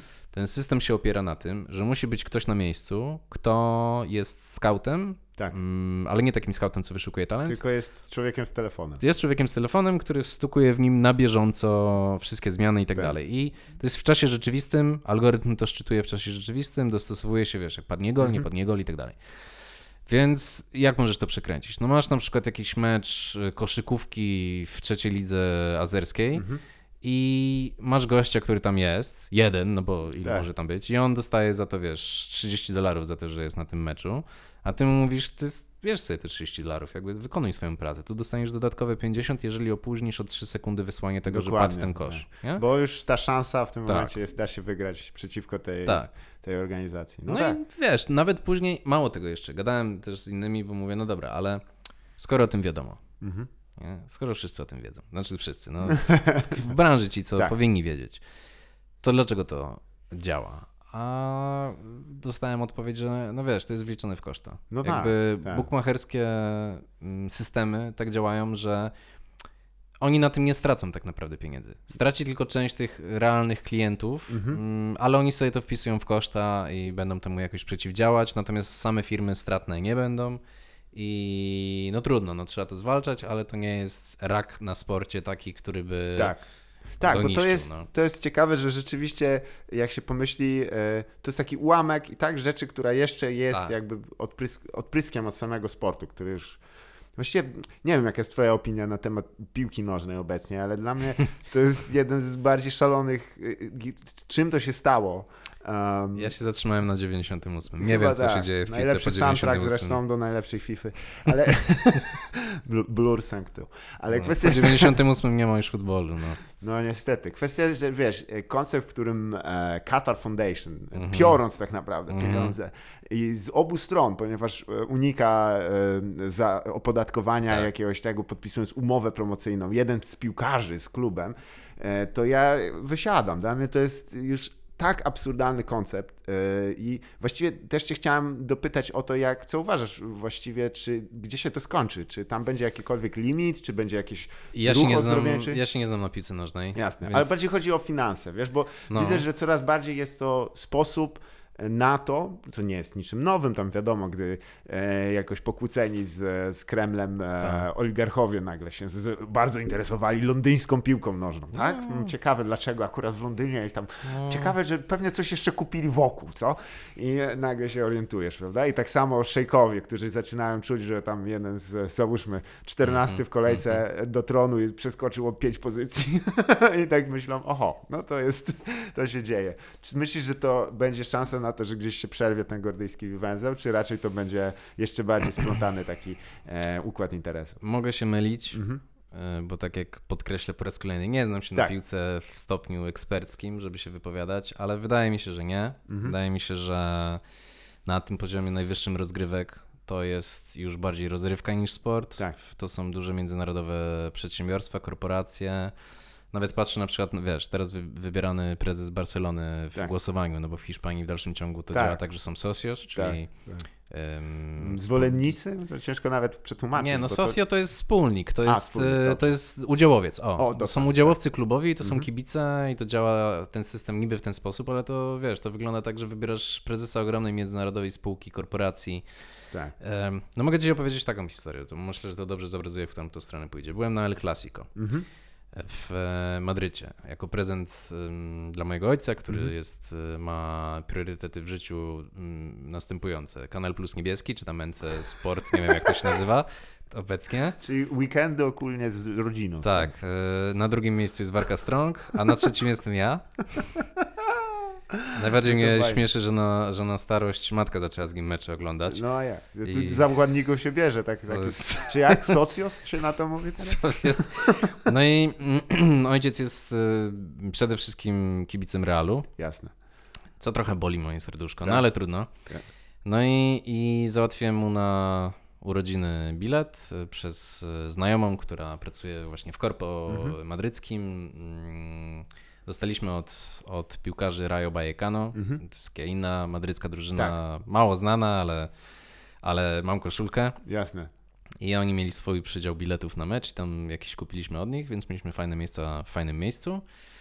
I pojechaliśmy na mecz. I była taka mm, trybun, nie, trybuna to za dużo powiedziane, był, taka, był taki mikrosektor Mhm. zaraz przy murawie, Jasne. który był napełniony, trudno mi powiedzieć, czy Koreańczykami, czy Japończykami, Okej. jednymi albo drugimi. Oni byli od stóp do głów ubrani w rzeczy Realu, no bo byli na Okej. stadionie Realu Tak. e, na tym meczu. Zresztą wiesz, już w samolocie leciało przecież zaciąg Polaków leciał tylko na ten mecz, Zgadza się. e, bo tam są organizowane wycieczki takie pełne z tym. No i my też leciliśmy tym samolotem, chociaż wchodziliśmy trochę na innych zasadach. No ale do czego zmierzam? To był ku zgrozie mojego ojca akurat ten mecz, gdzie Barcelona wygrała 4-1. I, I ci Japończycy, Koreańczycy po każdym golu Barsy wpadali w euforię. Tak, bo jakby... Mimo, że mieli na sobie rzeczy Realu i tak Okej. dalej. Bo dla nich to jest część wycieczki do Madrytu. Tak. Y, A czy to jest, wiesz, y, jakby ten sport nie jest istotny. No, kto tam, faktycznie są ci ultra sur na Mhm. górnej trybunie, czyli tacy, no faszystowscy mówiąc wprost, Tak. kibice, ale to są prawdziwi kibice Realu, którzy robią tam, wiesz, Mhm. młyn, ale na tak dużym stadionie oni są mniejszością, Tak, tak. na tym meczu przynajmniej. No jest to, tak, to są tak gigantyczne przedsiębiorstwa, Tak. że to się w pale nie mieści. Koncept, że, że rzeczywiście były tam demokratyczne wybory wśród kilka osób, które wiesz, tam co, co roku wpłaci 150 euro. Tak. Nie, nie, w sensie te wybory akurat na prezesa One klubu w jakby- Hiszpanii są legitne w tym sensie, że naprawdę ci kibice legitnie na em, prezesa głosują. To są wybory. Natomiast to, kto na tego prezesa startuje, Jasne. E, kto z kim ten prezes się później ustawia, kto jest w zarządzie Tak. i tak dalej. Więc ja na to patrzę w ten sposób. Ja na przykład patrzę Mhm. na tą ligę hiszpańską, no bo ją znam najlepiej, że i tak myślę, że tak jest w Europie generalnie, że masz te topowe kluby. Tak. Były przecież te rozmowy o tym, że, że one stworzą Superligę, że już nie będą grały w ligach W krajowych. końcu. Bo one są, no bo one są na takim innym poziomie. No wiesz, co Tak. Real i Barcelona mają wspólnego na przykład z Rayo Vallecano? No No nie, to nic, nie no. jest nawet ta sama gra. To nie jest w ogóle ten sam futbol. No jak, Nie. e, jak kiedyś, o, Zacytuję Sebastiana Mille, który właśnie No. obejrzał na treningu Leonela Messiego i powiedział, my nie gramy w to samo. Stary, był kiedyś taki, mieszkałem wtedy w Granadzie i był mecz y, właśnie na stadionie, mm, chyba, chyba na miejscowym stadionie, Mhm. nie byłem na tym meczu, no ale był, mm, gdzie oni wygrali 2-1 z Realem, Tak. co było sensacją niesamowitą. Poza tym kibice Granady są oczywiście też kibicami Realu, no ale to osobna Okej. sprawa. I to było sensacyjne, oczywiście jeden z tych goli to był samobój, więc, ale wygrali 2-1 i pamiętam, że tydzień później nie grali z Barsą, E, I pamiętam, jak jechaliśmy autobusem mm, pod miasto e, na imprezę do znajomych Mhm. i w autobusie już e, cały autobus słuchał radia, bo Tak. Granada wygrywała do przerwy 0-1, czy tam 1-0. I jak przyjechaliśmy na miejsce, wiesz, poszliśmy najpierw do, do baru, Tak. to wszyscy po prostu siedzieli przylepieni do tego telewizora. Ostatecznie przegrali z tą Tak. Barsą, ale chodzi o to, że to są takie historie, które się nie zdarzają. No. Tak. No masz tam Eibar, który, którego, który jest baskijską drużyną z miasteczka, którego cała ludność się zmieści na trybunach Realu Madryt. No właśnie. No i Eibar gra w pierwszej lidze i, gra so, i całkiem nieźle sobie radzi, jest tam, wiesz, y, zawsze gdzieś w środku tabeli. Mhm. Na pewno radzi sobie lepiej niż Rajo. No ale, ale to nie jest ten sam futbol. No i, No nie. i moim zdaniem to pójdzie, te pieniądze są nie do odrobienia, te, te Nie, to reprezentacje się są nie tylko do będzie odrobienia. rozpłaszczać. To jest, Tak. wiesz, jak w soczewce to, co się zdarzyło, można powiedzieć, wiesz, w wielu, wielu aspektach Tak. współczesnego świata, to tam jest to na sterydach po prostu. I, ale z drugiej strony są też, właśnie, bo to może rzeczywiście z, wycofajmy się z piłki nożnej Mm. idąc takim trochę e, zakrętem, Do kiboli dojdźmy, skoro E, dokładnie. to połączmy te dwa światy. Niemalże, ponieważ e, świat MMA jest też takim, wiemy, e, częstokroć, e, no, gdzieżby indziej e, po, pomysły uwolnionego kapitalizmu się realizują, niż właśnie w organizacjach przestępczych, które są, można powiedzieć, idealnymi korporacjami Tak, tak, na czasy tak. e, globalizmu, e, ale jeszcze są takie, można powiedzieć, reduty, gdzie udało się połączyć tę właśnie takie myślenie trochę o świecie jako o, e, rzeczy do zdobycia z etatyzmem i tutaj Czeczenia się wyróżnia, w szczególności Ramzar Kadyrow, który. O, organizuje Ramzan swoje Kadyrow, własne tak. e, gale MMA. On też zasłynął tym, że wspominałeś o tej walce e, brazylijskiego jiu-jitsu mło- em, juniorskiej, no to u niego na tych galach były normalnie dzieci poniżej Dzieci, 12 tak, tak. roku życia się biły bez ochraniaczy i to były, nawet tam były nokauty. To jest e, i właśnie jak, jak, jak to jest? Czy myślisz, że to jeszcze przetrwa? Tacy ludzie jak, jak Kadyrow, który, którym jest takim trochę udzielnym księciem tej, tej części tego świata i on Ale- może sobie takie rzeczy organizować. Pytasz w oderwaniu od sportu, czy... na początek na sport, ponieważ wiele też, wiesz, ludzi Mhm. wchodzi w współpracę z nim. E, Tak. Jeżdżą na te gale, siedzą z nim tam, wiesz, na pierwsze łapy zbijają. Tak, Myślisz, tak, że tak. świadomie wiedzą o co chodzi, czy tylko po prostu mnie tylko sport interesuje? Je- Jak... No, słuchaj, no, zacznijmy od tego, że życie sportowca MMA nie jest usłane różami, Wyraźnie tak. e, ale również finansowo, Mhm. ponieważ to są duże wydatki e, na przygotowania, na leczenie i tak dalej. To nie są duże sumy. No jeżeli Tak. nie jesteś gwiazdą tak naprawdę komfortowo z MMA, to żyje 10% może zawodników na świecie. Mhm. Mm, Dlatego ja się na przykład nie dziwię tym, którzy osiągnęli jakiś sukces w KSW i się boją spróbować e, w UFC. Tak. A ci, którzy faktycznie się spróbowali, no to znaczy, że podjęli ryzyko z różnym skutkiem, z reguły Mhm. nie najlepszym, ale na przykład przykład Jana Błachowicza, w którego ja zupełnie nie wierzyłem. Tak. e, a tu się przyjechałem. Tak, ta Zupełnie. ostatnia walka w ogóle była niesamowita do Tak, oglądania. tak, to tak, tak. Takie oldschoolowy, e, bardzo staroszkolne MMA. Po Tak, prostu tak, tak. oklepać typa, przewrócić go i go gnębić. Jestem, e, no jestem w szoku, jak duży Błachowicz zaryzykował ogromnie, Tak. ale zyskał e, no niesamowicie. W każdym razie zmierzam do tego, że słuchaj, Berkut, Mhm. mm, czyli organizacja właśnie Ramzana Kadyrowa, bardzo dobrze płaci. Tak. Nie tylko w MMA. Oni na przykład organizowali galę właśnie w jiu-jitsu Mhm. w całej Europie przez jakiś czas, w tym w Polsce chyba raz. Na jednej byłem, a, Mhm. a, a nie wiem jak było z innymi. I ja i tam startował mm, mój trener Mhm. I gadaliśmy też o stawkach różnych i tak dalej. To- jest po prostu wyrzucanie, znaczy w sensie z ekonomicznego punktu widzenia to nie ma sensu. To Ale to jest chyba działanie promocyjne bardziej. Tak, to jest, to jest propagandowe działanie.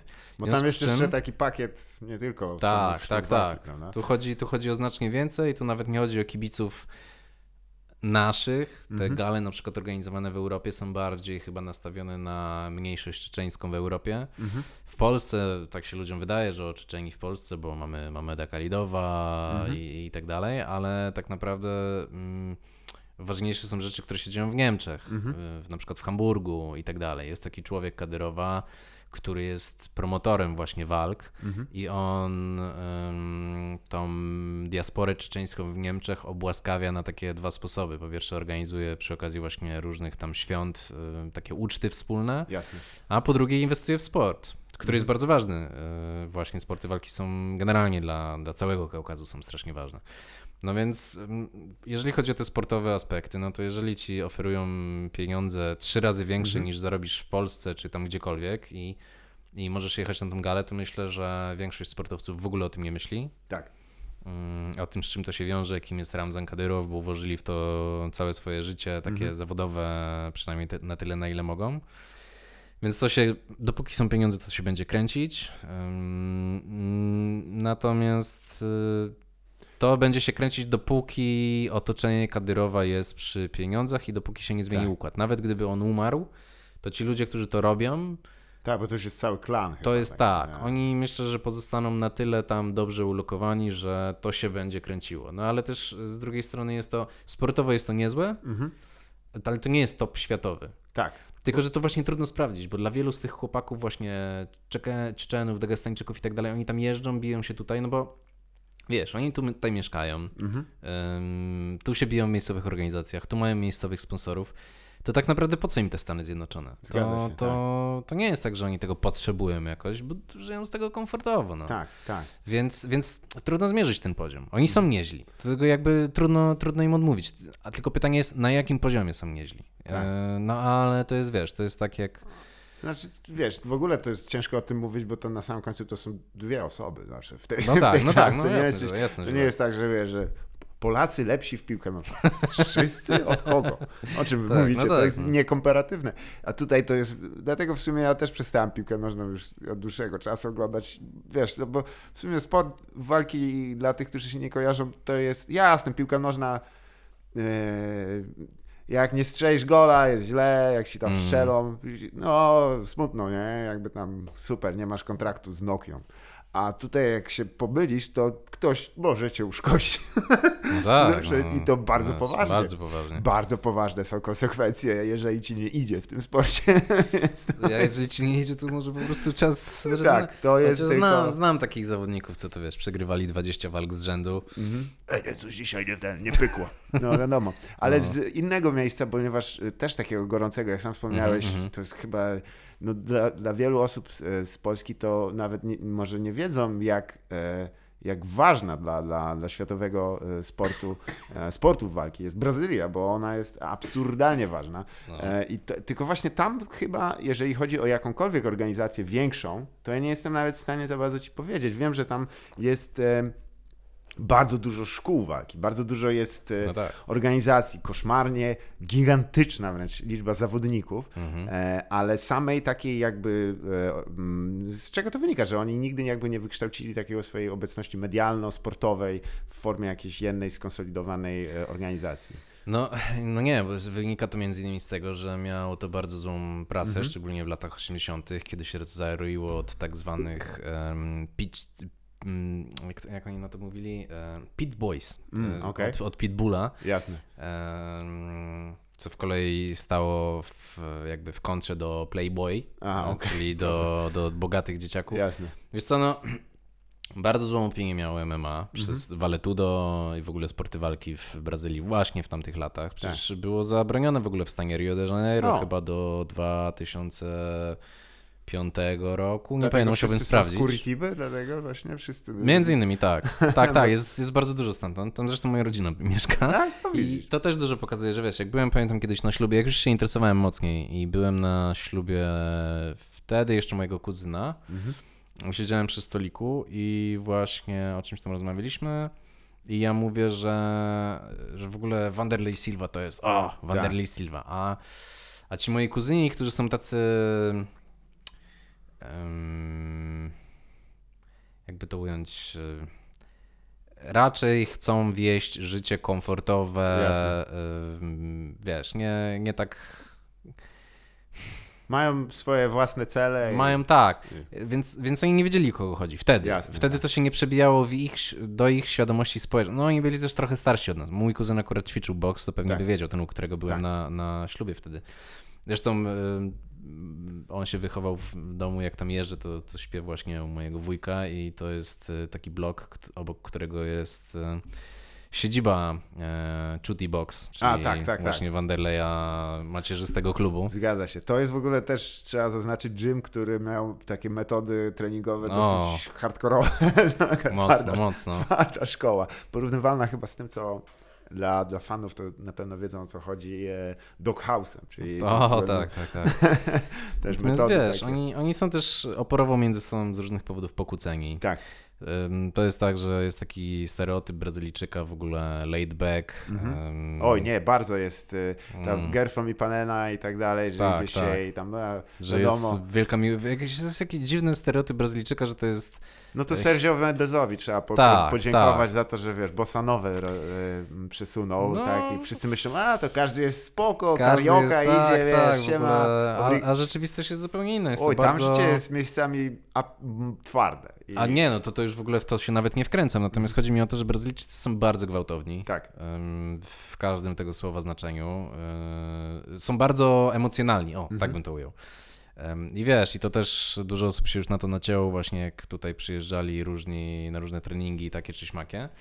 I opcja była taka, że mm, no wiesz, Brazylijczyk jest z tobą w ogóle najbliższym bratem w sekundę po tym, jak cię poznał, tak. ale, ale jak się pokłócicie, to, to, to idzie na pięści od razu. Oczywiście Tak. generalizuję, tak? Nie wszyscy, ale to prowadzi do tego, że w tym świecie sportów walki te rywalizacje, te nienawiści Mhm. wzajemne em, bardzo skutecznie uniemożliwiały wspólne działanie Zgadza przez dłuższy czas, ale też z drugiej strony napędzały rywalizację, co się przełożyło na wysoki poziom i tak dalej. Mm, No i też to, że tak jak mówiłem, Brazylia jest takim krajem dość hierarchicznym, Mhm. E, Klasowym, Klasowym, o to mi tak. chodzi. I ta klasa wyższa spoglądała na to z wyższością z różnych powodów. Mhm. Zależy też w jakich okresach, bo w pewnym momencie tam jiu było popularne, później przestało być, później ten. Lata 80. chyba były takie kluczowe, że, że właśnie byli ci, na których mówiono Playboy, i to Mhm. byli ci bogaci chłopcy, Tak. i byli ci Beach Boys, którzy, wiesz, nam też y, dużo się po prostu bili, wjeżdżali Tak. na dyskoteki, tłukli ludzi. Też media brazylijskie, przede wszystkim telewizja, są niesamowicie sensacyjne w swoich Tak, tam doniesieniach. jest chyba taki e, format, którego nawet ciężko przeszczepić na polskie, czyli em, koleś spocony krzyczy na Tak. tematy polityczne. Tak, tak, tak, Bardzo tak, tak. spocony zawsze. Nie wiem czemu. Zawsze. Jeszcze gruby w dodatku, Gruby? może dlatego spocony. To jest jego temp Mhm. przez cały program, który Mhm. potrafi trwać dość długo. I Tak, tak, tak, tak, Oni tak. też no. często z takim wychyleniem raczej takim populistyczno-prawicowym, tak, go można tak, określić. Tak, tak, I, tak.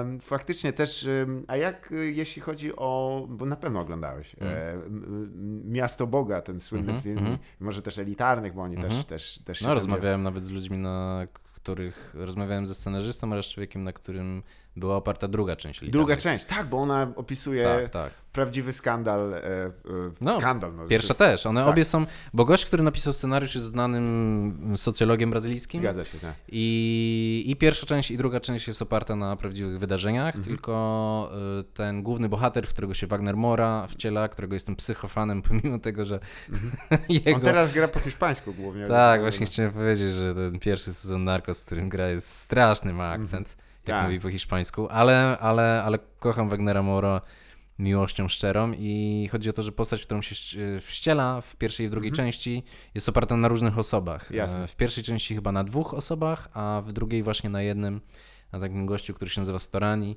który był em, najpierw szefem BOPI, Mhm. Tak. czyli tych jednostek właśnie Tych czaszek. tych czaszek, a później był sekretarzem do spraw bezpieczeństwa w Niteroi. Niteroi jest po drugiej stronie zatoki niż, niż Rio. Też z nim, I zgadałem z nim też o tym, o właśnie o, przestępczości, o różnych rzeczach. On ma, on ma bardzo ciekawe spostrzeżenia na ten Mhm. temat, bo mm, pomimo tego, że oczywiście on uważa, że Bopi super, Tak, e, tak. No to są końca... jego jakby też koledzy. No nie? tak, tak, ale on też bardzo otwarcie mówi o korupcji w służbach Mhm. mundurowych, o tym, jak działają szwadrony śmierci na przykład w ramach e, też tych służb, więc e, no między innymi stąd e, stał się tym pierwowzorem postaci w drugiej części, bo bardzo mocno krytykował to, że tam jest przede wszystkim korupcja taka, wiesz, moralna, no, że Tak, to są tak. służby, które mordują ludzi. No, Tak, to są gangi w imię Tak, prawa. tak. One chyba właściwie to było takim też, że no jakby oni uczy... można było kupić u policjanta czyjąś śmierć po prostu, tak? I- Milicjanta, bo to są milicje, milicji, to są takie tak. gangi, które przede wszystkim w Rio właśnie działają, złożone z um, często byłych funkcjonariuszy mundurowych. Mhm. E, taki, takie najbardziej znana milicja w ogóle ostatnio, ale to ze względu na bardzo głośne morderstwa, nie dlatego, że byli najbardziej wpływowi i zabili, zabili taką działaczkę społeczną. Em, no to To ta, która też się zajmowała prawami e, człowieka, osób, tak. I, I prawami też policjantów, Tak. którzy próbowali zeznawać przeciwko innym, tak. No to yy, biuro przestępcze, tak się nazwali. No, To jest ich nazwa. jest on the nose, tak samo jak... To też trzeba przyznać, że w ogóle świat e, przestępczości brazylijskiej to jest jakiś taki kocioł niesamowity, Tak. ponieważ jeden z gangów, który e, nie wiem, czy tam czytałeś o nie, e, ten, Mhm. który powstał w więzieniach, to jest chyba... Kilka powstało w więzieniu. ale komando... e, Komando e, e, chyba- Czerwone, czerwone komando? Nie, nie, nie. em, PSS? ge- Primero Comando do Capital? Primero de Comando de Capital, tak. To, Mhm. to jest jak, jakby też jakaś takie y, coś, y, ponieważ jest to organizacja, która się właściwie głównie e, działa w więzieniach, wyłącznie, prawda? No, I ma tak. te swoje macki też pozawięzienne, ale y, czy, czy ty kojarzysz, jak on, bo ono też powstało w takich dosyć Tak. e, dramatycznych... e, Na meczu piłkarskim. Zgadza się, no. Więziennym meczu piłkarskim. tak, e, to jest w ogóle też, e, porusza też ten temat, który jest absurdalny, czyli więzienia Tak, brazylijskie. straszne. Moja ciocia jest, była Mhm. szefową służby zdrowia na system więziennictwa w stanie Paraná. Jasne. No to grube historie. Tak? No, no Bo niestety. to, są, żeby jakby też przekazać, to nie są więzienia w znaczeniu takim, jakby mamy trochę w, w wyobrażeniu o nich w Europie. To są takie bardziej jakby mm, do, do pewnego momentu, ponieważ była ta Mm. słynna masakra więzienna, tak. e, to były takie bardziej miasta półotwarte. E, może nie, ale E. były tam taki system, gdzie tak dużo osób tam no w- Tak, no przeludnienie w więzieniach brazylijskich, w ogóle w więzieniach Tak. latynoskich to jest, to jest ogromny problem. Wiesz co, to, to nie jest do końca tak. Te więzienia brazylijskie, Mhm. zależy które. Są różne, są różne stopnie więzień. Są na przykład zakłady takie półotwarte. Była taka słynna scena, jak się zaczęły lockdowny covidowe. Tak. Przed, akurat przed Wielkanocą w zeszłym roku Mhm. i jest takie słynne nagranie, gdzie ze 150 osób biegnie plażą. Oni po prostu uciekli z więzienia. To A. był zakład półotwarty. Okej. Bo się bali, bali się po prostu choroby, Jasne, tak. zakażenia, no bo w tych warunkach um, o zakażenie jest super prosto. Masz, wiesz, masz więzienia takie trochę lepsze Mhm. dla przestępców, nie, nie violento, czyli nie... Nieagresywny? nie no, No to źle określę. W Polsce nie ma tego przytłumadzenia. No, no właśnie, że to nie jest Tak. z okrucieństwem przestępstwo i tak dalej. No one są Nie trochę lżejsze, o. nie zbrodniarzy. Natomiast w tych takich największych więzieniach brazylijskich, tych najgorszych, one nie tyle się jako wewnętrzne miasta rządzą, bo to jest bardziej przypadek na przykład Salwadoru. tak, tak. Ym, W Brazylii to raczej chodzi o to, że masz faktycznie ogromne przeludnienie, Mhm. więc y, w celach siedzi znacznie więcej osób niż powinno siedzieć, Mhm. więc ponieważ są te gangi więzienne ze sobą często rywalizujące, Mhm. to żeby uniknąć takiej sytuacji, że codziennie się ktoś rżnie nożem, czy tam czymkolwiek, co ma pod ręką, to po prostu na wstępie cię pytają, czy jesteś w gangu, a jeżeli tak, to w którym i cię przypisują do konkretnego Okej. skrzydła więzienia. Jasne. I ty siedzisz w skrzydłach zarządzanych przez dane gangi, a czasami nawet są całe zakłady Mhm. dedykowane konkretnym organizacjom przestępczym. To też zależy co i jak, no bo w São Paulo dominuje, w stanie São Paulo dominuje Mhm. praktycznie tylko PSC, czyli właśnie to Primeiro Comando do Kapitału. Mhm. Więc tam to w zasadzie problemu nie ma, dlatego między innymi w São Paulo jest, jak na Brazylię, stosunkowo niska liczba morderstw, Mhm. bo oni tam nie mają za bardzo konkurencji, więc Jasne. trzymają porządek. Natomiast wiesz, y, jak w Rio, albo w, szczególnie gdzieś tam w północnych jakichś em, stanach, tych amazońskich, Tak. no, gdzie chodzi o kontrolę szlaków przemytu narkotyków, właśnie się. na przykład w stanie Amazonas, tam oprócz tych dwóch, jeszcze jest kilka innych i tak dalej, ale tam na przykład jest em, taka e, taka organizacja, która się nazywa, no oczywiście teraz zapomniałem, Familia do Noci e, i to jest lokalny z kolei organizacja przestępcza, no więc tam masz trzy powiedzmy duże grupy przestępcze, kilka mniejszych, no to też musisz ich dzielić w tych Tak. więzieniach.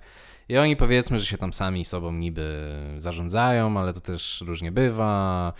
Mm, Są też zakłady oczywiście już o takim podwyższonym rygorze. No i tam to już zupełnie inaczej jest. Tam to wiesz, siedzisz w izolatkach, Tak. nie, nie wypuszczałem cię tam jakoś. No Mar Markola, czyli tłumacząc na polski cwaniak, to jest właśnie szef PSSE, Mhm. który jak szedł do więzienia to był analfabetą, ale obecnie czyta dużo Balzaka i tak dalej i, i czerpie mm, różne różne mm, inspiracje z Jasne. literatury francuskiej XIX wieku, bo w ten sposób wykończył Skąd? wszystkich, wiesz. Jasne. A Naprawdę, on, on niesamowite intrygi z zakrat, siedząc oczywiście już mając dożywocie, on już Jak nigdy nie Valmont. wyjdzie. tak, tak, do, dosłownie. Ale głowę no. też kopnie, to też trzeba. Tak, tak. Niby jedną ręką trzyma arszenik, No. a drugą. Więc, Może więc Markola tam zarządza wszystkim, wyciął całą konkurencję, jaką Nie. miał wewnątrz organizacji, jest szefem absolutnym. No. Zgadza się, bo też Brazylia w pewnym momencie, ze względu na to, że rzeczywiście te życie polityczne chyba u nich jest też takie gwałtowne. Tam, Jest, no, tak. Teraz dopiero, to są dni chyba, kiedy Lula został e, nie uniewinniony, ale Został skasowany poprzedni Tak. wyrok, y, ma być do powtórki, ale jeszcze się nie wypowiedział sąd wyższej instancji w tej sprawie, chociaż Jasne. prawdopodobnie podejmie taką samą decyzję, jaką sąd niższej instancji. Ale wiesz, to tam z Lulą, korupcja. Korupcja wśród polityków brazylijskich to jest w ogóle osobne, to jakby prawie wszyscy. Natomiast, no wiesz, miałeś y, zaprzysiężonych ym, senatorów, czy tam ym, deputowanych, którzy na przykład byli oskarżeni o porwania i morderstwa. tak, tak, tak. Nie to, że jest- połowę, no tam sześciu, się, ale no tak. mimo wszystko, wiesz, no. Tak. A to Sześciu tylko na 500? prezydenci, prezydenci Filipin mogą robić. No tak. E, się chwalić. Nie wiem, ilu ludzi zabiłem, to nie jest dobrze. Mm. Co jest chyba wałem, bo on wygląda na takiego twardziela tego. Ale On raczej widzisz, ciekawe jest to, że też jakby z Brazylią, która jest wielkim krajem, naprawdę No wielkim. jest to jest- jak kontynent. tak, jest, jest, jest jeszcze różnorodność nie tylko Tak. samych tych e, terenów municypalnych, tych, tych miast, tej kultury, ale też przede wszystkim przyrody, jaka tam jest, jest Tak, no tak, tak, tak. Mm, że ona się jednak nie przebija do naszej e, polskiej, e, no chociażby muzyka brazylijska. Tak. E, jest, no właśnie, Sergio Mendes i, i może jeszcze jakieś tam popuczyny po tym, a potem du, du, du, długo nic i może gdzieś tam powoli tam, że wiesz, że, że coś tam muzyki, muzyka jakaś bardziej bumbapowa, taka e, współcześniejsza, powoli. To ja wiem, że też słuchałem twojej rozmowy z Kamilem, że Mhm. właśnie ty byłeś też e, pro, e, promotorem takich rytmów trochę. E, Powiedziałbym karaibsko, no, włączymy tutaj może Brazylię na zasadzie Mhm. wyjątku. Czy coś e, t- e, jeszcze dalej to siedzisz tam na, na bieżąco, jeśli chodzi o to? Bo ja słyszałem, że scena muzyczna Brazylii tak zaczyna się ekspansję trochę prowadzi. No nie wiem, wiesz co, no siedzę na tyle, słucham, Mhm. ale nie śledzę na super bieżąco. Jasne. Nie, nie wiem, kto jest najgorętszym artystą sezonu. Tak. Do mnie to zawsze trafia z pewnym opóźnieniem. Mm, Rapu brazylijskiego, którego słucham, to jest e, przełom lat 90. i 2000. Nie, słucham też nowych rzeczy. Słucham tam jakiegoś Amisidy, Mhm. słucham Criolo, słucham e, e, tego, jak, jak się nazywa tych dwóch, jeden co jest oskarżony o pobicie swojej partnerki. No co ty, raper? Ale MC Fiore? Nie, nie, nie, nie, to jest, to jest funky, to już, to już coś innego, a, a jak, jak to się nazywa? Cholera, Syntezis. Okej. Syntezji, syntezji słucham. No teraz jest gruby skandal, Karol Konka, czyli właśnie taka wokalistka, z, raperka też w sumie, głównie raperka z Kurytyby właśnie. Mhm. Była w najnowszej edycji Big Brothera i nagle cały kraj zobaczył to, o czym środowisko artystyczne mówiło od dawna, to znaczy, że jest przemocowa, Okej. e, jest po prostu jest po prostu chamską dresiarą, która wyzywa ludzi i chce się z nimi, wiesz, w konflikty wydawać. To Okej. był gruby skandal chyba What? na przełomie stycznia i lutego. Mówisz, że Szwesta Ewa też nie byłaby pewnie twoją dobrą koleżanką. Ale to jest kolejna postać, którą kocham mocno, Mhm. ale pewnie bym nie chciał znać osobiście. Nie, bo widzisz, też bo przelecieliśmy przez tematy, które ja jestem zainteresowany ze względu na to, że to była w sumie, wiesz, pamiętam pierwszy raz, jak właśnie kolega mi przyniósł, e, dlaczego o tych sztukach walki, pamiętam Mm. jak po prostu pierwszy raz, ja oglądałem tam właśnie ten Fight Club, ale e, kolega przyniósł mi na płytach e, właśnie Pride'a, Mhm. nagranie. I ja zobaczyłem tam, jak właśnie Wanderlei Silva kogoś kopie w mordę, ten leży i po, po czym sędzia przerywa ten i jeden temu podaje rękę. Ja mówię, co to jest? co Tak, się przed tak. chwilą zdarzyło? To jest sport?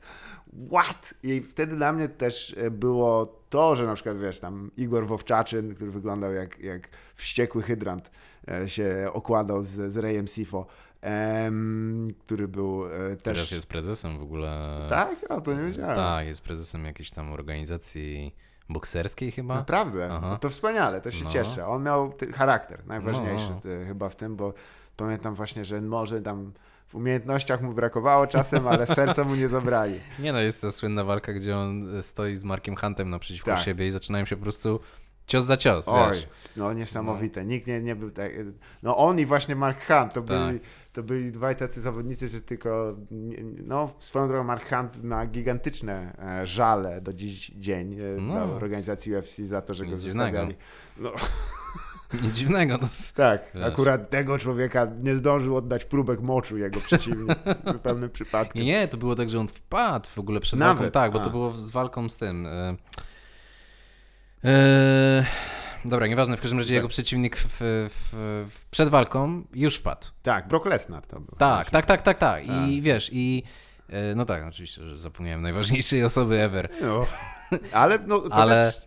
ale on przed walką już był, em, test wyszedł pozytywny, Jasne. A oni tak do tej walki dopuścili, wiesz. Tak. w ogóle... A, a, no, No absurd, za, no. dużo było, za dużo na nim było. Zresztą, wiesz, pytałeś o przestępczość związaną z, Mhm. z, z tą, z Japonią, a przecież bracia Ferita, którzy Tak. jeszcze przecież do niedawna byli właścicielami UFC, no to też się nie wzięli w Las Vegas e, przypadkowo dwóch Włochów w Las Vegas, no Tak, tak. wiadomo z kim są powiązani, bo, bo jest to udokumentowane, tylko nie wiadomo do jakiego stopnia. Zgadza się. To jest te. Ale to jest interes. Chyba ze względu na to, że właśnie. E, po pierwsze, tam specyficzna, sami zawodnicy, to jest specyficzna część e, e, społeczeństwa. Chociaż zobacz, na przykład masz takich jak Rich Franklin, czyli Tak. nauczyciel matematyki. Zgadza się, tak. Ma przecież ten The Iceman, Chuck Liddell, to skończył psychologię. Wiesz, Tak. Tam, tam są takie No, on na tym no. etapie to mógł na uszkodzeniu własnego mózgu już zrobić pracę dyskorską, bo on zarobił ciężkie ciosy. Ale on był psychologiem wcześniej, zanim A. jeszcze zaczął, tak, tak, Tak. tak, no, no. Może- No to pewnie umie teraz PTSD u siebie wyleczyć, ale wow. Nie, ale właśnie, bo w sumie w Polsce, podobnie zresztą jak w Brazylii, Mm. przez lata pokutowało to, że jest, to jest jednak sport dla chuliganów. Nadmieńmy, no mm, po części jest no, tam nie bez zawsze. powodu, no. Tak, no. jest ten element zawsze, ale y, jak myślisz, co, co sprawiło, że to też się tak, czy to były raczej sukcesy te zagraniczne, czy raczej te freak fighty w wykonaniu KSW? Polsce? Tak, tak, No to walka podziana. To, Myślisz, to, to no jest- bo ja przy tym byłem, pracowałem na Tak. KSW jako fotograf. jasne. Pamiętam jak to było wcześniej, pamiętam jak to było później, pamiętam jak... Pierwsza w ogóle gala, jaką fotografowałem, to było w Olsztynie. Mhm. E, Walczył tam Materla, miał jeszcze połowę mniej tatuaży, a Tak. Bedor było połowę mniejszy. To było... E, zapomniałem w tej chwili nazwy tej gali. Mhm. Mm, No ale zmierzam do tego, że, że wiesz co, było tak, że było sobie to... MM Ja mogę nawet opowiedzieć, Mhm. z chęcią opowiem O, tej super. historii o Tomaszu Lisie, z wielkim, z wielką ochotą to opowiem, ponieważ interesowałem się tym MMA, byłem właśnie Mhm. wewnątrz e, jako obserwator zewnętrzny, tak? Tak. Jako właśnie fotograf, miałem kolegów, którzy trenowali, miałem kolegów, którzy właśnie się tym zajmowali od strony, wiesz, organizacyjnej, Mhm. na takie czy inne sposoby. No i widziałem, jak to się kręci, widziałem, jak to nabiera różnej popularności i powoli zaczyna właśnie schodzić z tego trochę to odium, że to jest walka w klatkach dla zwierząt, Tak. a zaczyna się z tego coś robić większego. I jak KSW zakontraktowało Pudziana, to możemy mówić o erze MMA przed Pudzianem i po Pudzianie, bo to naprawdę PP zmieniło wszystko. Tak. No nie, naprawdę, bo wiesz... Skrót jest trochę niefortunny. Nawet jak popatrzysz na sponsorów, którzy Zgadza byli się, tak. wcześniej, a później. To jest y, niesamowite przełożenie i na to, że Polsat, oczywiście przyciągnięty tym freak tego, oczywiście pojawiło się dużo Januszy w MMA, do tej pory nie zapomnę, jak pojechaliśmy kiedyś pod Atlas Arenę, to była ostatnia gala, na której pracowałem Mhm. I ym, ja byłem zewnętrznym współpracownikiem, ale tam, bo dla Sherdoga robiłem, dlatego, Jasne. y, wiesz, takiego największego na świecie Tak, to portalu. do dzisiaj, jeżeli ktoś chce jakiekolwiek wiarygodne statystyki. Tak, to w jest- Sherdogu. No więc mój kolega Tomasz Marciniak, który później został też komentatorem i tak Mhm. dalej, on pisał dla Sherdoga, a ja fotografowałem. No ale żeby fotografować, to oficjalnie KSW musiało mnie zatrudnić, żebym mógł być pod tym ringiem, Mhm. e, bo tak to mieli tylko swoich fotografów, tam osobne, osobne rzeczy. I pamiętam, jak pojechaliśmy właśnie e, pod Atlas Arenę e, dwie godziny wcześniej, żeby odebrać akredytację i tak dalej, a tam już pijane, wiesz, Mm. to, bo to była gala z Bobem Sapem. O, tak, I, no i pijane, pijane typy, w, wiesz, w czapkach biało-czerwonych, e, takich, wiesz, wysokich e, cylindrach, kręcący szalikiem, krzyczący Polska, Polska. Natomiast do czego zmierzam, że, że e, Pudzian naprawdę zmienił wszystko. Mhm. Pomijam jego samego, bo to jest jakby osobny temat, ale to, że na przykład właśnie otwarty Polsat nagle Mhm. zaczął to transmitować, bo było wiadomo, że widzowie Polsatu to będą oglądać. I ja pamiętam, wtedy próbowałem nawiązać jakąś bliższą współpracę z tygodnikiem Wprost, którym właśnie kierował Tomasz Lis. Tak. I proponowałem, chciałem za granicą się oczywiście zajmować, czyli tym, czym się zajmowałem, ale ym, tam była taka jakby. Musiałbym dłużej opowiadać, ale w Mhm. skrócie miałem, żeby na próbę, to miałem też zgłosić jakieś tematy Tak. e, inne też, Jasne. gdzie mogły pójść do innych działów. Chciałem pokazać, że jestem w stanie pisać wszędzie. No i mówię, że takim tematem, który zaraz wybuchnie, będzie MMA. Że, że to jest niesamowite, że... I to było już w ogóle po pierwszej gali chyba z Pudzianem. Jasne. I musiałbym sprawdzić, ale tak, wydaje mi się, to na 100% było po pierwszej Tak. gali z Pudzianem. I pamiętam to jak dziś, że siedzę w tym pokoju y, naczelnych, gdzie jest właśnie Tomasz Lis, wszyscy za biurkami, a mnie posadzili, jeszcze trzy osoby, a, a mnie posadzili na takiej pufie na podłodze. Czujesz ten klimat? No, Poważna więc, redakcja. więc ja na tej pufie przed nimi i, i, i, i oni patrzą na mnie i ja tłumaczę, że to MMA Mhm. to jest coś, co, że Polska będzie fenomenem, jest dziś Polska fenomenem na skalę światową, w tym sensie, że nie ma drugiego kraju w Europie, gdzie to zainteresowanie MMA byłoby takie powszechne, że Tak. wiesz, wsiadasz do taksówki, I ktoś chce o tym pogadać, bo, bo Tak. oglądał pan wczoraj? Tak. no. Może się nie zna, może nie zna nikogo poza Pudzianem Matellą i, i, Tak. i wiesz, i Mamedem, ale, ale chcę o tym. Naprawdę, to jest, to jest coś, czego nie spotkasz nigdzie, nigdzie w Europie na taką skalę. I to jest właśnie wynik pracy KSW i tego zakontraktowania Pudziana i umiejętnego go wypromowania. No więc siedzę tam i mówię, zróbmy o tym MMA, bo to jest super ciekawy temat y, ze względu na to, co to mówi o Polsce współczesnej i o ludziach, którzy to oglądają, jak to się zmienia i tak dalej. tak Tak. No i, i mówię, że gala, i dlatego mówię, że to musiało być już po tym, bo pamiętam do tej pory, że mówię, że e, galę ostatnią KSW właśnie oglądało 5,5 miliona ludzi. Mhm. A Tomasz Lis mi mówi, to jest niemożliwe. No to się nie zdarzyło, A przepraszam. ja mówię, no ale ja tu mam e, statystyki z wirtualnych mediów, tak mówi dyrektor sportowy Polsatu. A Tomasz Lis mi mówi, gdyby tak było, to ja bym to wiedział. A tak nie jest. Ja No mówię, okej. No i zmierzam do tego, że wtedy była, oni powiedzieli, że tego nie wezmą. Mhm. I świetnie to zapamiętałem, ponieważ padło, padło takie hasło, że to jest, e, że to są właśnie walki dla bandytów, że to Tak są jest. kibole, że ktoś Tak. na kimś siedzi go bije głowę. Jeden nawet taki typ, e, który był tam mm, dyrektorem, e, wydaw... jeszcze nie, sekretarzem redakcji on był Oho. chyba. On mówi, on mówi, zresztą też Tomasz, ale pominę już nazwisko. Z sztuką się obecnie Tomasz zajmuje. Sommer z najwyższego czasu. Tomasz się obecnie sztuką zajmuje, zapamiętam go do końca, ponieważ mi powiedział, że on włączył na chwilę to i Tak. zobaczył, że ktoś na kimś siedzi i bije go w głowę i z y, obrzydzeniem wyłączył. Nie będzie oglądał patologii. Tak. I ja próbuję im wytłumaczyć, co się dzieje i tak dalej, oni, oni twardo, że nie. Ym, I to jest też ciekawe, rozmawiałem o tym, jak już powiedzieli mi, Mhm. po prostu, ale spuścili mnie dosłownie do kibla z tym tematem. Tak. I ja pamiętam, że przyszedłem, to miało być w dziale społeczeństwa, którego szefową była, a obecnie jest w Newsweeku, no bo tam się cała ta ekipa przeniosła, Renata Kim, taka Mhm. Tak. dziennikarka. Tak, tak, I ona prywatnie trenuje taekwondo. jasne. I ja przyszedłem i, mów, i pyta mnie jak. Ja mówię, no wiesz, opowiedziałem Mhm. to wszystko, co teraz opowiedziałem i ona mówi, no oni w ogóle nie rozumieją. No nie. Ja mówię, no nie. I słuchaj, a mówię o tym dlatego, że minęły chyba ze dwa miesiące. Ja już tam nic y, nie miałem, już jakby zarzuciłem próby z różnych Mhm. powodów, natomiast za jakieś dwa czy trzy miesiące była okładka z Pudzianem, Jasne. ale nie ze względu na MMA, tylko dlatego, że akurat tańczył z jakimiś tam gwiazdami, czy śpiewał, czy nie wiem, jeden z tych programów, nie? Więc y, to był, myślę, moment przełomowy. Wtedy gadali takie rzeczy. Dziś by już takich rzeczy, myślę, nie powiedzieli. Mhm. Nie, nie. Tutaj Nawet jeżeli tak myślą. Teraz, teraz jest, wiesz, nową rzeczą jest, że zdziwienie, że się ten, że, że na gołe pięści ktoś się chce A, tak, tak, tak. To jest, tak, naprawdę myśleliście, że nie będą się chcieli No. na to ludzie patrzeć. Bardzo mi się podobał też to, że i to pozdrowienia, no to y, wiesz do kogo, bo jeżeli pracowałeś z KSW dla, dla organizatorów y, Genesis, którzy Mhm. wpadli na pomysł y, i tu pozdrawiam też, nie, raczej nie słuchają, którzy ukuli określenia to polski boks, czyli, czyli możesz z piąchy, Tak. ale łokciem też możesz zapierdolić. to tak, to tak No. śmieszy. Zasady akurat tej konkretnej gali pieści i w, w klinczu możesz wywalić z trzy. Jak Polski boks, to jest fajnie. Ale zobacz, to znowu robimy do przyszłości, bo ja też oczywiście walki na gołe pięści oglądam od bardzo dawna. Tak. Nawet zanim w Stanach wybuchły te tam mniej więcej dwa lata temu, to Jasne. ja oglądałem jeszcze w tych czasach brytyjskich, jak się Tak, bili tak. ci travelersi na Tak, parkingach. Wspaniałe to jest. I oprócz tego też em, tu chyba wielkie wyróżnienie dla ir- Mm. irlandzkich travelersów Tak, tak. z ich wyzwaniami. Tak, z wyzwaniami to uff, niesamowite. To jest... Ja to oglądałem jeszcze... Przy tym amerykański wrestling to odpada. no. Naprawdę. Ric Flair, ain't got shit Jest, jest Sean, e, Sean e, no właśnie takie mam z nazwiskami. Ten Jasne. gość, który nakręcił This is England Jasne, aha. e, i on zanim nakręcił This is England, to nakręcił właśnie film dokumentalny o takim królu tych walk na gołe pięści Tak. właśnie z Irlandii, czy tam z północnej Anglii w tym przypadku. znaczy tam królów No, to ale- pewnie jest wiesz, co Tak, 100 tak, tak. jest Ale ja pamiętam, że ja to obejrzałem wtedy jakoś, i tak, a już gdzieś te walki Tak. mi tam migały, bo ja tam Tak. przez jakiś czas w Londynie byłem i gdzieś to tam, no nie wiem, no ja takie towarzystwo Mhm. zawsze gdzieś nie wpadałem. I potem zacząłem maniakalnie tego szukać w internecie, Tak. ściągać, wiesz, z jakichś serwerów, wyszukiwać, bo tego nie było na YouTubie wtedy. Nie wiem, czy YouTube wtedy był, nie pamiętam. Jasne.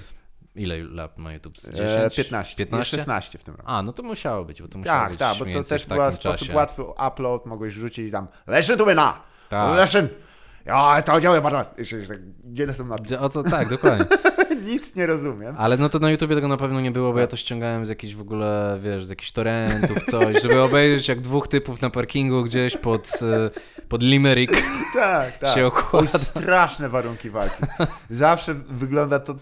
Przyznam, że do momentu, aż wejdą i nie ściągną koszuli, nie wiesz, kto się będzie bił, bo Tak. wszyscy mają takie mordy.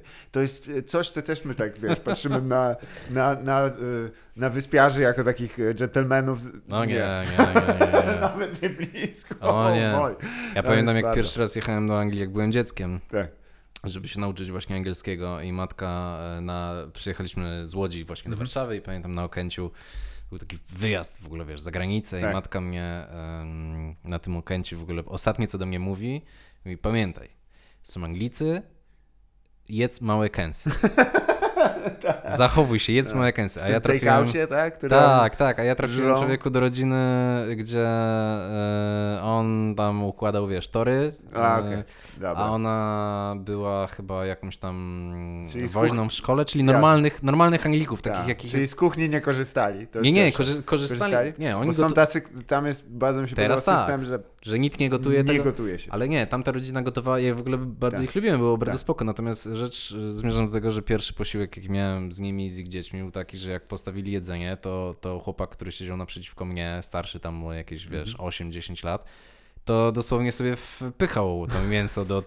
I, ja, I oni wszyscy tak po prostu jedli, ja tak siedzę No, to nie było tak, że to było Tak. szokujące, w tym sensie, wiesz, to nie było tak, że Tak. jedli jak zwierzęta, że coś tam, normalnie jedli, tylko powiedzmy w Tak. taki sposób, jak ty byś jadł, jakbyś z chłopakami siedział, wiesz, gdzieś oglądał coś, ale ja byłem tak nastawiony psychicznie do tego, że no przecież Anglicy o piątej to na pewno piją herbatę i ta matka, która mi mówi, jedz małe kęsy. A ja tam siedzę i sobie myślę, o, co?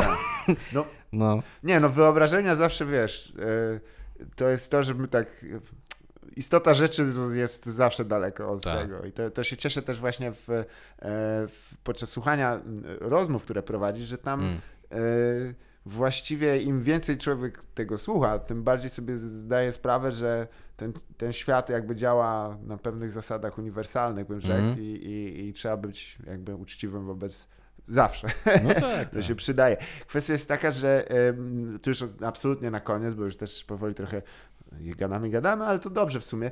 Em, Ja no mam pytanie, ponieważ wspomniałeś o e, ja, ja, coś, co jest moim takim pet piwem Mm. o, i twoim na pewno wielkim kamyczkiem, czyli tego, jak wygląda teraz stan reportażu, czy też A. działów zagranicznych we wszystkich tych, tych. Czy myślisz, że to będzie szło e, w, w lepszym kierunku?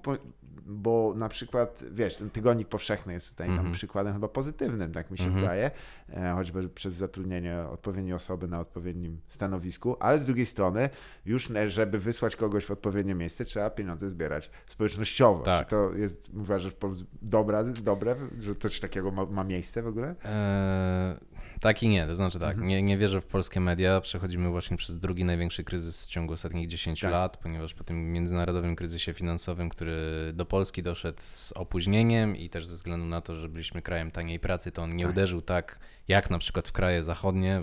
Podczas tego kryzysu mieszkałem w Hiszpanii, to jest nieporównywalna sytuacja, to co działo się tam, a, tak. a w Polsce. No ale to odcisnęło się na mediach i te media po szczególnie 2012 mniej więcej roku bardzo e, straciły. W ogóle nie mówię tutaj o jakimś Mhm. fakcie czy super ekspresie, mówię o tych mediach, które się pozycjonują jako ambitne. Tak, Czyli powinny o tej zagranicy ambitnie informować też. zgadza się. Tak. A więc e, to już wtedy przetrąciło mm, możliwość zagranicznych rzeczy, bo ja jak jeszcze zaczynałem pracę w mediach e, w tym 2004, to, to były duże budżety na wyjazdy, Mhm. zagranica była rozbudowana mm, i tak dalej, i tak dalej. To się skończyło bezpowrotnie. To, co obserwujemy teraz, to jest kolejny upadek tych mediów. To, na to się też wiele czynników y, dodatkowych, o których nawet nie chcę mi się szczerze powiedziawszy opowiadać, ale to nie jest tylko Mhm. to nie są tylko kwestie finansowe. Wiele się rzeczy na to składa. Dlaczego te media się zwijają w taki, a nie inny sposób yy, i dlaczego właśnie na takie treści zagraniczne nie ma w zasadzie za bardzo miejsca, ale nie ma też moim zdaniem takich ruchów, które by wskazywały na to, że ma się polepszyć. Yy, Ja w ogóle na polskich mediach trochę stawiam krzyżyk od jakiegoś Mhm. czasu, jeżeli, jeżeli mówimy o zagranicy. Uważam, Tak. że zagranica jest, jest już coraz, jest coraz gorzej. Natomiast mm, to, co się zmieniło, to jest właśnie to w ostatnich dwóch, trzech latach, że pojawiły się takie inicjatywy, za pośrednictwem których można finansować dziennikarstwo w trochę inny sposób. I to też Mhm. jest rozmowa dłuższa, bo to się dzieje w tej chwili. Są różne modele, każdy do tego trochę inaczej podchodzi. Tak. Między sobą też na ten temat gadamy, jak to wygląda, co się komu udaje. Nie każdy model się da przełożyć bezpośrednio czyjejś pracy na czyjś innej. To jest wszystko y, dość płynne, ale wydaje mi się, że idzie ku lepszemu, jeżeli chodzi o dostępność do treści, Mhm. że jest y, dużo więcej osób, które się zajmują treściami zagranicznymi w sposób fajny, interesujący i tak dalej. Niekoniecznie są to dziennikarze, Mhm. reporterzy zawodowi. Tu mam na przykład y, w głowie y, vlogerów YouTube'owych, Tak. którzy nie są zawodowymi dziennikarzami, y, zajmują się niby podróżami, ale bardzo często to, co robią, jest y, dziennikarstwem. Mhm. Na przykład Globe Story, no to kanał, których, którego twórców znam osobiście, więc to jest zresztą współtwórca tego kanału, to jest właśnie ten gość, który mnie wciągnął w jiu-jitsu. No. Więc Wow. Poznaliśmy się w pierwszej klasie podstawówki i się pobiliśmy na pierwszej przerwie i, i do dziś, do dziś to Do dziś się uskuteczniamy. bijecie.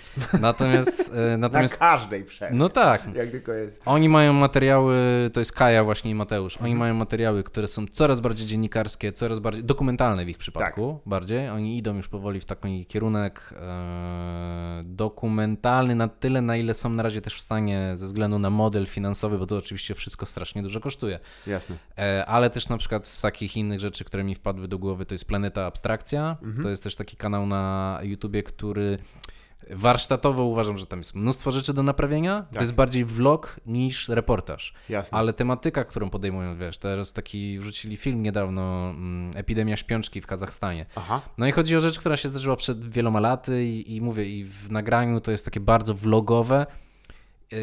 Ja bym to zrobił zupełnie inaczej, albo wolałbym, żeby to było zrobione zupełnie inaczej dla takiego odbiorcy jak ja, ale Mhm. uważam, że oni mają bardzo duże zasięgi i to jest super to, co robią. I to też jest dziennikarstwo. Tak. Nie w klasycznej formie, ale jednak. Więc wydaje mi się, że dla ludzi, którzy dziennikarzami zajmującymi się zagranicą są, Tak. to takie właśnie rzeczy jak, jak te inicjatywy YouTube'owe, jak, jak podcastowanie, jak Patronite, ale też różnego innego rodzaju formy współpracy z kimkolwiek, kto załatwi jakieś finansowanie, są nadzieją na to, że ta informacja o zagranicy się pojawi, będzie rozbudowana, będzie dobra, będzie fajna. Uważam, że jesteśmy w takim momencie zaczątku tak naprawdę teraz, ale jestem pełen mm, pozytywnych nadziei co do tego, jak się to rozwinie, tylko uważam, że to wszystko leży w rękach ludzi, którzy są obecnie młodsi, Mhm. wchodzą do tego zawodu, bo my, tacy, którzy mamy około 40, Tak. 30, między 30 a 40, to są ci, którzy teraz są, jakby przecierają szlak Tak. I zdechnął na tym. i, i część, nie, ale część, tak powiem, część tak, ale tak, tak. Wiesz, dla- no nie bez powodu Mojżesz tam nie Dla- mówi, dobra, chłopaki, od razu z, idziemy do kanon. Nie, nie. No nie, no nie. Tu pochodźcie w kółko. Dla części z nas to będzie oczywiście będzie właśnie taka Oj. droga tego, ale uważam, że to, co właśnie przetrą najróżniejsze osoby Tak. teraz to robiące, z, z różnych właśnie środowisk też, z różnych Mhm. tych, wiesz, to są różne środowiska, część się zna, część się nie zna, ale ten cały ruch, który się dzieje w tej chwili, moim zdaniem za 10 lat zaowocuje czymś bardzo dobrym, czego nie jestem jeszcze w stanie przewidzieć, jak to Jasne. będzie wyglądało, bo się w dalszym ciągu formuje, ale to będzie się działo poza mediami dużego nurtu. I jak bardzo by się Tygodnik Powszechny, który szanuję, Mhm. E, przynajmniej za dział zagraniczny, bo, Tak, bo to są różne. felietony. Boj. e, Trochę są skostniałe też. Tak, albo tak. ale okej. Okej, Rozumiem, okej, ale- wiesz, no to jest dalej fundacja, gdzie się No. spotykają i zaczynają od modlitwy. Także No to dokładnie, dosyć więc- ciekawa Więc, organizacja. więc, ale szanuję, szanuję to, że starają się przynajmniej, że to jest faktycznie przestrzeń dla ambitnego dziennikarstwa zagranicznego. Natomiast e, to jest w zasadzie już taki łabędzi śpiew Mhm. medialny. Tak. E, Nie wierzę w ogóle w media takie duże, że coś tam się stanie, chyba że coś nowego w jakiś sposób się wykluje, ale na dzień dzisiejszy nic na to nie wskazuje. Myślę, że w, w sieci mocno wejdą. No, To też sieci wyróżnia tak, też tak. swoją drogą. Nie chcemy tutaj oczywiście się zapisywać do jakiegoś zespołu, ale porównajcie sobie chwilę działy zagraniczne w tych Mhm. wszystkich dotowanych, e, nazwijmy je niezależnymi dotowa dotowanych gazetach. To jest jedno z moich ulubionych rzeczy. Tam jest po Tak, prostu tak, tak. przedruk memów. Ciężko to inaczej. Słyszałem na swojej, na Mm. grupie, na której biorę memy z Benem Shapiro, e, że dzieją się takie rzeczy. Ale to ciekawe, że w sumie po, po, gdy cię o to zapytałem, od razu poruszyłeś jakby nowe media Mm. i, i to dziękuję ci bardzo serdecznie za polecenie tego. No ale, mm, bo e, oczywiście w, w pracy reportażowej ukolorowanie będzie napisanie Mm, mm. książki na sam koniec, wiadomo, Mhm. którą ładnie em, wydawnictwo Czarne e, oprawi.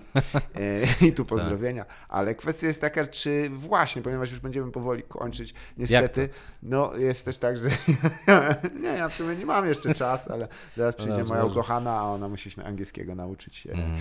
Więc e, ostatnio już zresztą mieliśmy taką sytuację, że przeszła tutaj, musiałam to edytować. tak to tak jest. wygląda niestety. podcasting. No właśnie, no ale tutaj. Dwóch się- facetów siedzi i gada o jakichś Tak. pierdołach, a, e, A kobiety robią prawdziwą pracę. prawdziwą pracę, No no. właśnie. Na to wygląda, na to, że my to... Jest taka teoria, wiesz, że z, z biegiem ewolucji, e, em, oczywiście e, tutaj wchodząc już na Mhm. absolutnie nie, niepotrzebnie na ten, tak, że nie, nie, niektórzy tak krzywo patrzą nawet na publikowanie takich teorii, ale że Mm. W skupiskach, w których e, zwierzęta roz, rozmnażają się płciowo, samcy muszą wykazywać cechy bardziej ekstremalne Mhm. i to dotyczy wszystkich cech, a samice raczej e, stałość e, pewnych cech. Em, Chodzi tylko o to, że na przykład... Nie wiem. nie znam się na tym. Tak, ale cie- ciekawym jest nawet No. nie tyle to, że to jest e, teoria w, w, naukach biologicznych, która jest eksplorowana, tylko że miejscami krzywo się patrzy nawet na to, żeby dyskutować o niej, ponieważ ona by jakby Mhm, wskazywała takie immanentne różnice e, między płciami biologicznymi. Ha, Nie chcę, ale... nie chcę w to nawet wchodzić, bo Właśnie nie mam na ten temat pojęcia, ale, ale to może roz... ja nawiązywałem Nie, do tego, że ja, wiesz... wiesz o co mi no, chodzi, że no. ilu znasz, y, to mój znajomy jest ratownikiem, nie? Mhm. I on Medycznym? mówi, E, Nie, nie, taki, nie. Takim na basenie. Takim na basenie. Tylko, znaczy był. Nie, to nie jest, wiesz, jak masz 35 lat i tam chodzisz do pracy w klapkach, to coś zjebałeś. Kwestia, to nie jest praca dla poważnego człowieka, jak się możesz opalać. No, To jest, e, więc kwestia żebyś jest taka, chociaż się mógł opalać. On na Warszawiance pewnie był ratownikiem.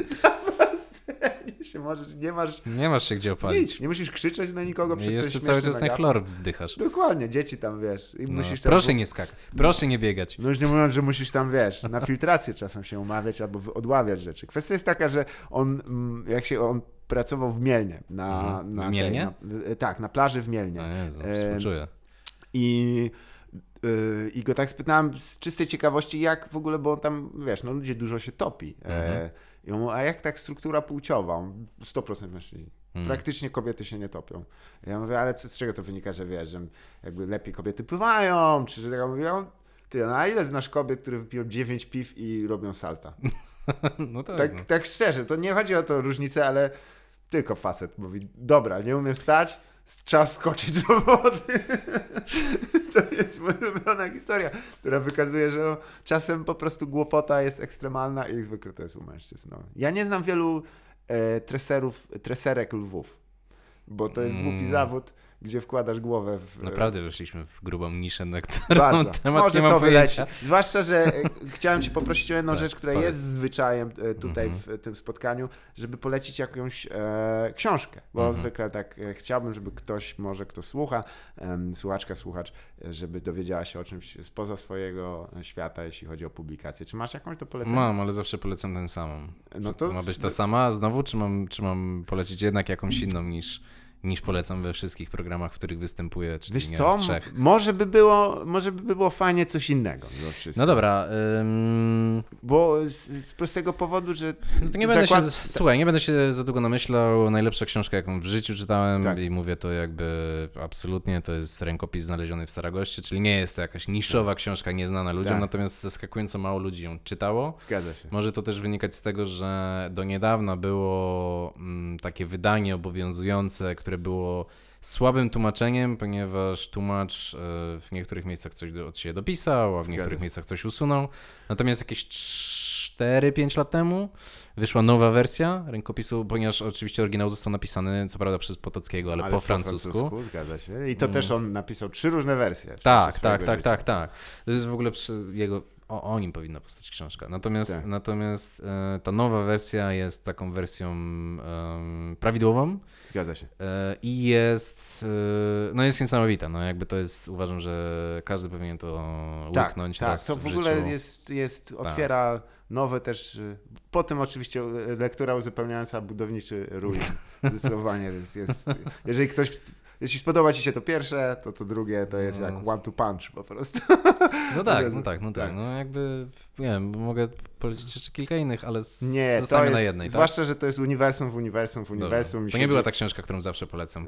A, Sięgnąłem no to teraz po klasyka, proszę bardzo. Tak, i siedzi królik i w środku ma jajo, a z niej się wykluwa kaczka. To jest moja ulubiona forma powieści zawsze. Zresztą e, Sterna też polecam, e, Trisama Shandiego, Tak, jeżeli tak, ktoś tak. nie czytał, to też przyjemność wielka. No dobrze, to to była wspaniała przyjemność. No, Rekordowy, długi odcinek. Słuchajcie, dziękuję Ci bardzo Ile on serdecznie. trwa? Godzinę 45 minut. O Jezu. To już dużo jest dużo. Ale nie będę chyba nic edytował. Wiesz co, zawsze jest półtorej godziny, bo pozdrowienia tutaj swoją drogą. E, je, e, jeden kolega, który tego słucha, on dokładnie Mhm. ma półtorej godziny dojazdu. A skąd? E, Z Łodzi. e, tak, tak. I on, on właśnie, dla niego to jest pod wygodę, ale Mhm. to posiedź sobie e, najwyżej jeszcze chwilę e, na podjeździe i popatrz e, No w dal. Co jest... Może kiedyś nagramy coś dla kogoś, kto dojeżdża z Wałbrzycha. Szó- Szóstkę walniemy, tylko musimy Wałbrzycha się nigdzie dojeżdża, tam praca jest na miejscu. do Pragi.